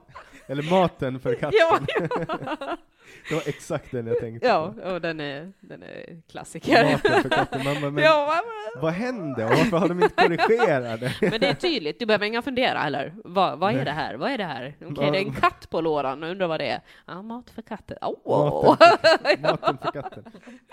För, för liksom, va, va, de börjar säga, ja men eh, ska, eh, har, vi, ha, har vi någon som kan översätta det? Hörru, uh, Päivi, pratar du eh, svenska? Ja! Så ja men eh, kattmat på svenska. Maten för katten. Och sen bara, okej vi tycker det. Vi sätter det på lådan. Jo. Jo. Jo, Så det är riktigt bra. Det var många, jag hade många sådana, jag gick runt och tog bilder på dem och så skrev jag ett blogginlägg om det. Det var jätte, jättelänge sedan, men det var många roliga så här, översättningar och särskrivningar också. Mm. Då kommer jag att tänka på den här ölen som vi såg i Kina. Det står extra cold. Ja. och så här extra, Ex- extra cold. extra cold och Extra extra, drinkability. oh. Ja, men är det extra, då vill vi ju vi ha det, för vi vill ju ha någonting som är lite extra. Och då har någon så här- Särskilt kall. Och då har någon så här marknadsförare där i Kina, eller om det var Hongkong, det var i Hongkong vi såg den, som bara så här, ja men nu behöver vi också så här, så här hur gör de egentligen? De skriver så här att det är någonting på produkterna för att få en så här, men extra drinkability och extra cold. Det har vi. Det är det som är problemet, att ölen inte är för kall. Ja, Och den inte är riktigt drickbar. Men nu har vi löst problemet. här, och nu har den extra hög Ja, drickbarhet. ja, för det har varit problemet med öl, att det går inte att dricka egentligen. Samma som ligger och ro- rojvar runt i den här tanken. Ja, men jag undrar om det var, alltså, drink, ja, drickbarhet. Det är, Ja, det var fantastiskt i alla fall. jag ska testa googla det. Så. vad som händer. Kolla, upp den nu. Nej, men det är bra kvaliteter för en öl, känner jag. Mm. Så är det. Och det vet ju jag. jag, jag Det var därför vi köpte den. Ja. vi läste Jag på burken och bara det här kan ju inte slå fel liksom. Nej. Den är, ju, den är ju kall, det står Ja. ju på. Ja men exakt, jag Ja. som jag jobbar med öl på Stallhagen så vet jag att det är, Ah. det är viktigt med att de är drickbara. det säljer bättre. Det, Ja. det gör det, och folk vill gärna ha den igen efter de har provat den. Ja. Så, mm. Ja, så nu hittar jag faktiskt en lite obskyr blogg. Eh, drinkability of a beer is an important driver of commercial success, but there is little agreement on how it can best be measured. When speaking of drinkability, most brewers take it to refer the quality of beer, which motivates a cus- consumer to have another one. alltså, här är en hel blogg om drinkability. Och här så här, ehm, drinkability of beer is important. Alltså det är, ja. Då får de googla så får de läsa bloggen ja. Ja men det, är- det finns inte mycket eh, drinkability. Däremot hittar jag nu eh, den som jag höll på att prata om. Det är någon form av lonker från Sydkorea. ja, oj. Height extra cold. Ja men det där, ja men vem ska inte vilja dricka den där? Den Ja. påminner lite om så här traditionell lonken i bilden. så jag, nu googlar jag på eh, extra drinkability och så hittar jag, ja där, 4,3. Extra drinkability. Oj, extra Med en liten snöflinga där också, Ja. så man verkligen vet att Att den är extra Ja. kall. Men eh, det den är? ja, det känns ju som att det måste, den kräver en kyl för att det där ska kunna vara uppnåbart. Men det verkar det inte. Jag tänker om Nej, nej, den ska nej. komma i USA skulle de bli skitförbannade om de köper det eh, i torr, alltså torrvarudelningen där ölen brukar vara, att den inte är i Mm. kylen. Mm. Eller lonken inte är i kylen. Köper de den och så är den inte kall. Hela företaget ska ju gå under. Stämma skiten i dem. Ja, Så, så är ja, det herregud, ju. ja. ja. Står här och lovar kall, kall lonken och så Och så är det inte det. jag ser inte det. Här det hittar jag lite, lite betyg också då, av 10. 2,6. Oj. Canned from a 99 cent store, sweet and grainy up front, some corn flavor, somewhat refreshing, not horrible for a really cheap pale lager. Could be slammed on a hot summer day.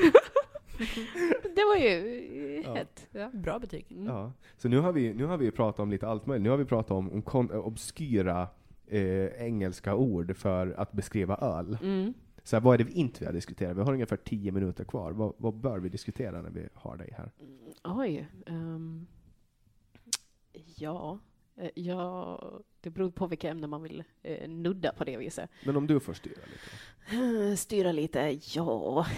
Då ska jag väl säga det här eh, att jag har väl mött av mycket den senaste tiden just eh, lite mer av det här feministdelen. Och det var någonting jag även delade på Facebook idag angående att Samfinländarna kom in. Nu blir det politik. Ja, det Samfinländare kom in med ett, att de har konstaterat att de är antifeministteam också. Har de Det- sagt det själva eller har Eh, andra jo. konstaterat det? Eh, De har eh, kommit fram till det och gått ut med det. De tycker alltså inte att jämställdhet är någonting bra? Eh, nej, nej, Nej. uppenbarligen inte. Nej. Och det är ju någonting speciellt jag som är Alltså ordningsvakter överlag är ju väldigt mansdominerande Ja. bland annat. Ja. Så det blir ju mycket, och jag som är kvinna, det spelar ingen roll hur mycket jag tränar, det spelar ingen roll hur, hur bra jag är. Att Du är inte störst ändå? eh, nej men exakt, att jag, jag är ju ändå, alltså just den där, Mm. att jag saknar den här viktiga delen som Ja. det tredje benet har varit väldigt eh, påverkbart Mm. i mitt liv, har jag märkt. Mm. Att det har sabbat ganska mycket. Eller Mm. sabba och sabba. Men ja, det har hindrat mycket av en sån liten grej. Så. Ja, det är faktiskt eh, intressant att de går ut och säger så. Eh, det är ju väldigt konstigt. Ja, det är det jättekonstigt. tycker jag också, dagen konstigt. 2019. Och bara, och nu går vi ut med det! Antifeminist. Ja. Så det är lite... Ja. Ja, häromveckan så ska jag erbjuda en, hjälpa en man att bära ut en espressomaskin. Så jag frågar så här schysst som man gör att vill du att jag hjälper dig? Nej, nej, nej. Låt oss män ta hand om det här. Oj. Du vet, det, är trigger point ganska. Ja. Men jag har ju lärt mig att man, alltså, jag väljer ju själv vad jag vill ta åt mig av. Mm. Så säger någon, alltså ska jag ta åt mig av allt jag får höra på helgerna ibland så ska jag ju inte må bra. Mm. Eh, Vad säger folk då? Nej, det kan ju vara allt från att jag, folk står och skriker en i ansiktet. Du är piss! Eh, Sådär. jag har fått många varierande ord. Eh, sådär. Mm. Icke så fina kanske att nämna så här på rak arm. Men eh, mycket sånt. Det är väl att, Mm. ja, sen de här klassiska, ja men hora och alltihop, bara för att man nekar dem för att komma in. Då. Mm. Så det är väl det som är tungt i vårt liv, att vi får mycket, mycket ord kastade i ansiktet på oss. Ja, Jag hoppade in, jag hoppade in som vakt på, på Rockoff i somras och Mm. det slutade med att jag fick stryk. så, nu, Basic life, nej. så nu, ska jag, nu, nu ska jag på polisförhör snart. Så, Ja, och det är väldigt vanligt. Ja. Så det var så här, det gick ju bra. Det är kanske ingen karriär för mig. För jag tycker ju om att, jag tycker ju om att inte behöva gå på kryckor i, Ja, i tre ja. veckor efter jag har varit på jobb. Ja, nej, det, det, nej, att det, du får ju vara beredd att det kan, och just det där, att det är väldigt obe, alltså oberäkneligt. Det kan ju komma en smäll varifrån. Det, här var ju ingenting som jag hade förväntat mig. Nej, nej, nej. Jag tyckte att det gick Det är många som då så här skrattar lite just ålänningar som, när jag har min väst på mig, den är så här skärskyddstålig då för knivar och slagskydd. Att slår någon mig i magen så tippa inte omkull utan det skyddar. Eh, att det är många ålänningar som kommer, ja men vad ska du med det där till, stå här och se tuff ut. Nej, alltså det är säkerhet, för det börjar, det är allt från kreditkort som görs som knivar och kommer slicandes upp mot ansiktet. Alltså det, det, är inte värt mitt liv att Mm. Alltså då har jag hellre någonting sånt på mig, även om det är fruktansvärt obekväm. Men den ska på. För Mm. det vill inga ha någonting i, i magen. Har du blivit utsatt för våld på jobbet någon gång? Mm, det har varit faktiskt väldigt lugnt. Jag lyckas ju oftast prata ner. Eh, Det är min, min teknik att prata och ge tid. Du visar din triceps Ja, men och sen tror jag att folk tror att jag är någon form av ninja-chic, att jag gör någonting så här, "Wah, ja! men det gör jag ju inte. Utan oftast, eh, men jag ser till att försöka förstå den som är upprörd. Eh, Oftast är det manliga kollegorna som får, får det då. Att det finns ändå någon spärr, men då har det ju kommit någon gång ett slag så här svepandes, eh, som inte var riktat mot mig, men i tumultet har det kommit. Eh, dock inte blivit träffad. Eh, men det är ju sånt du får räkna med, att få en Mm. käftsmäll varje helg om du har otur. Men brottats har man ju fått göra, så är det ju. Mm. Ja, folk har, har ju en tendens, och det är, väl, det är väl någonting som jag har noterat att det är mindre av i Sverige. Mm. Alltså folk är lite, i allmänhet lite lugnare på krogarna, men det har väl att göra med att de har lite eh, striktare regler när det kommer till alkohol. Nej, alltså Jo. svenskar är mer sådana att de pratar, de står och liksom buffar och Mm. gruffar och Jo. liksom, det kan, det kan se ut som att de är på väg att börja slåss, men det är väldigt sällan som svenskar faktiskt det- börjar det- slåss. Det brukar tuppas mycket och Det det, betyder att det kommer mycket, mycket. och det, det, det är ju inte det vi bryr oss om, utan oftast är det ju om det är två stycken som plötsligt från ingenstans rycker ihop. Mm. Eh, oftast de här som står och skriker längre på varandra, det vet man att det kommer inte hända någonting. Så det är Mm. bara att gå in dit, ställa sig och så be dem att gå därifrån åt olika Mm. håll. Men just det här som går från ingenstans, plötsligt får ett bord och en stol och så ligger folk under det och bara Åh! håller på faktiskt. Ja, jag fick ju, jag hamnade ju på en, en sån grej, eh, det var ganska många år sedan nu, jag var väl kanske 19 eller 20. Eh, och, och så var jag på Arken, och, och då var det en kille som flippade på mig. Det hade, krogen hade, stä, alltså det hade stängt och lamporna var på, eh, och jag skulle köra en kompis hem. Så gick jag fram till min kompis, satt handen på, på axeln och frågade så här, ska vi gå? Och min kompis och pratar med en kille. Och, och han bara tittar på mig och bara flyger på mig. Mm. Alltså liksom, det, det, när han såg mig, så bara direkt på mig. Ja. Och, och han var jättefull och jag var nykter för jag körde bil. Eh, så det blev liksom en sån här dans, där jag fick så här dansa bakåt, så här värja hans slag. Ja. Och jag är ju inte smidig på något sätt, men han, han var ju så förutsägbar, så jag Ja. kunde liksom dra mig undan och backa hans slag. Och det var Mm. massa människor som såg det här. Ja. Och alla bara stod och tittade. Jo, det är ju sällan också folk får den här reaktionsförmågan till att göra något. Och det är ju Mm. jätteviktigt. Det, det har vi ju bland annat... Jag jobbar med jättemånga olika kollegor. Eh, Och vissa reagerar jättesnabbt och förstår precis. Men andra blir ju helt chock när det händer någonting. Ehm, och då Ja, kan sen- det just bli det där att de ser vad som händer, men det ageras inte. Så det måste ju vara väldigt så här att vad som än händer så måste du springa Jag undrar om inte du kom och baxade ut honom sen? Det kan säkert Jo, vara ni bojade honom och så bar ni ut honom. Ni var tre stycken Ja, som det, bar ut honom. Han var helt rabiat. ja.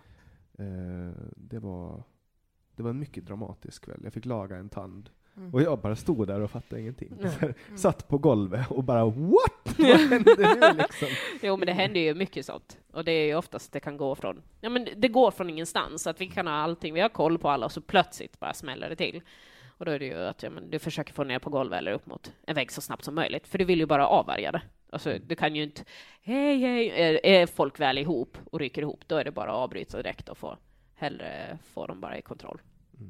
Har du behövt utöva maktmedel, säger man så? Ja, jo, ja, men inte så ofta. Och det är jag glad över. Men du har Eh, sprayat folk? Nej, bara på, bara på träning. jag hade en kompis som ställde upp och så fick jag spraya. Det var snällt. Det var, snä- Ja, det var hade- snällt. Han bara, ja men hur farligt kan det vara? Jag sa att ja, jag tar ju hellre batongen, eh, att någon slår mig med den än den där sprayen. Men då har han fått känna på det. Då vet han hur illa det är. Eh, ja, nu, nu sa han då, batong, sa han efteråt när den här kursledaren igen frågade att ja men vad vill du? Batong. Har ni fått te- testa batongslag också? Eh, ja, vi har ju tränat med eh, batong, men På andra? ja, och då är det värdering liksom på. Mm. Men- och för det är ju viktigt att lära oss om vi väl använder dem, var vi ska slå. Man ska slå på låret va? Eller? Ja, stora kroppsdelar. För tar du små så du tar Går av de dem direkt. Jo. Ja. Så det är lite... Men det är, för att, det är för att du vill fokusera extremt mycket smärta till ett område så att de inte ska kunna tänka på något Ja, och sen att eh, gör så liten skada. Du, alltså vi vill ju använda maktmedel, men vi vill göra så liten skada som möjligt på. Mm. Mm. Eh, För det kan uppstå så mycket. Eh, Ja, övervåld, övervåld, och det får vi ju ofta då. Mm. Att vi gör övervåld för att folk bygger upp en egen historia då. Fast vi måste ju inse att vi också har våra liv. Så flyger någon på mig, då kommer ju då kommer jag ju försvara mig och det har jag ju rätt till att göra även om jag är vakt. Mm. Så då drar du fram en teleskopbatong, slår ut den och så Vi får ju inte ha teleskopbatonger här så det är någonting som skulle kunna Är det en dålig sak att ni inte får ha det? Ja, för en teleskopbatong kan bli 10 till 15 cent, alltså så här ihopfällbar, och så bara fäller du upp den. Du bara gör ett svep i luften med armen och så kommer den ut. Men nu ska vi ha de här, du vet, kling och klang batongerna. De får vi ha. Tänkte springa med dem längs benet. Mm. Och så ska du då vara smidig och, och de är jättetunga. Och då är det bättre med en teleskopbatong. Men vad konstigt, är det, det, men det är finsk lagstiftning eller? Är det åländsk? Vi har ju egen. Så det är ju någonting som Ja. politikerna ska kunna. ja men jag, Fräsa till lite grann. det är bra, det, det ska inte vara första gången jag använder den här podden som inspirationskälla. Mm. Jag använde ju för, förra, förra eller ett tidigare avsnitt så, eh, så, så, så bl- blev jag briefad på endometrios och efter avsnittet så stod jag i lagtinget och hade ett anförande om det. Ja. Så man får ju nyttja, och det här är ju också ett sätt för mig att utvecklas liksom, politiskt. Ja. Och det är ju sånt, man får inte reda på sånt om man inte pratar med Nej, folk. nej, och det är, jag tror att många argument kommer vara, jo men då börjar de användas. Alltså, vi använder ju Inte mer mer än- maktmedel bara för att vi har dem. Vi vill ju Mm. som sagt jobba utan att använda dem. Det är ju, och det eftersträvar vi ju alltid. Mm. Eh, Men ni får inte ha taser och sånt. Nej, nej, inget sånt. Ehm, Inga Allt saker. roliga. ja, det känns lite liksom, även om vi har, har spray i sig så är den ju väldigt du måste ju veta, har du, det finns ju gel och så finns det foam och så finns det spray. Och du vill ju inte ta fram sprayen in i nattklubben för Nej. vi tar några stycken andra då också på samma Ja. gång. Hela Indigo. Jo, och man själv blir ju liksom en liten vindpust sen också, så har du ju allt på dig själv. Och då kan du ju inte agera alls. Mm. Så, Ja, apropå slagsmål så såg jag att jag var i England och pluggade och då var det några som kraschade den festen jag var på som dök upp, unga personer som dök upp bara för att slåss. Alltså ba, de ville bara pick a fight. Och så vart det ett sånt här slagsmål som jag aldrig har, jag har aldrig sett två människor slåss liksom, du vet, på liv och död. ja. När de verkligen går, går fullt ut. Mm. Det var lite läskigt eh, och det är inte någonting man upp, alltså som jag upplever att man upplever i, i Sverige på samma sätt. Men jag tänker att, att i England är en annan kultur. Jag Ja. tänker att de här ungdomarna var så uttråkade och hade liksom ingen, Ja. inget socialt liv, inget... Sen Men- är det väl lite timing också, för det händer ju vidriga bråk i Sverige. Alltså. Ja, det är sant. att det, Ja. Visst gör det det. Så här, visst var gör det är det. man? Absolut, Ja. och nu är det ju situationen i Sverige, massvis med våld i Sverige. Ja. Och mest sprängningar i Sverige än i hela världen. Så, ja. så absolut, men... Men det är ju på det den tiden, vad jag hade upplevt då, det var Ja. ju en del år sedan. Men, Det- men om man jämförde Sverige med England då så var, upplevde jag att det var väldigt mycket mer våld i. Ja, men England. problemet är att det kommer hit. Det är ju det. Mm. Det börjar ju sakta mer hit också. Och det har ju med drogerna att göra och allt möjligt. Att det, Mm. det börjar ju trigga igång. Så vi har ju folk ute med sina fiskeknivar i sina handväskor. Eh, vilket kanske inte var en fiskkniv, utan det är ju för att de är beredda att om någon kommer så ska de. Så vi måste ju bli ännu noggrannare med visitering i väskor och alltihop. Hittar ni vapen? ni- Ja, vi hittar ju allt möjligt ibland. Så är det ju allt från necessärer fulla med det ena och det andra och, och knivar och kreditkort som är då är ja, men, fixade så att du ska kunna skära, skära någon. Det kan bli ganska extremt. Mm. Så. Ja. Och där var tiden avklarad. Mm. Det har varit ett samtal mellan himmel och jord och det är så det ska vara. Det är inte meningen att man bara ska prata om en sak. Eh, det var jättekul att du kom hit. Tack. Och tack för handräckningen Kajsa. Och Tack för att jag fick komma med. Och eh, som vanligt så hittar ni alla våra avsnitt på www.samtal.ax. Där kan ni också önska nya gäster. Vi släpper nya avsnitt varje onsdag. Eh, de kommer redan på midnatt så ni får gärna sitta och vänta som väldigt många gör har jag noterat. Och eh, som jag kanske sa så får ni ju jättegärna önska gäster. Eh, nu har jag ju dragit igenom väldigt många. Vi är väl inne på en 32, 33 men kommer att fortsätta som vanligt och det är många som frågar också. Kommer podden att fortsätta existera nu när valet är över? Och svaret är ja, ett definitivt ja. Det kommer den att göra så det är ingenting ni behöver oroa er för. Till nästa gång, ha en jättefin dag eller kväll eller natt eller morgon eller whatever tid som du befinner dig i nu. Producent för det här avsnittet var Didrik Svan. Jag heter Jannik Svensson och du har lyssnat på Säg vad du vill Åland.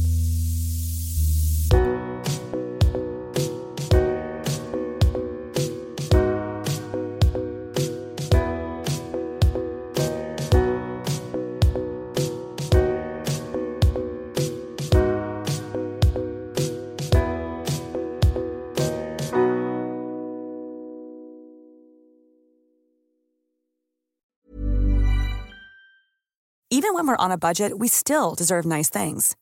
Quince is a place to scoop up stunning high-end goods for 50 to 80% less than similar brands. They have buttery soft cashmere sweaters starting at $50, luxurious Italian leather bags, and so much more. Plus, Quince only works with factories that use safe, ethical, and responsible manufacturing. Get the high-end goods you'll love without the high price tag with Quince. Go to quince.com slash style for free shipping and 365-day returns.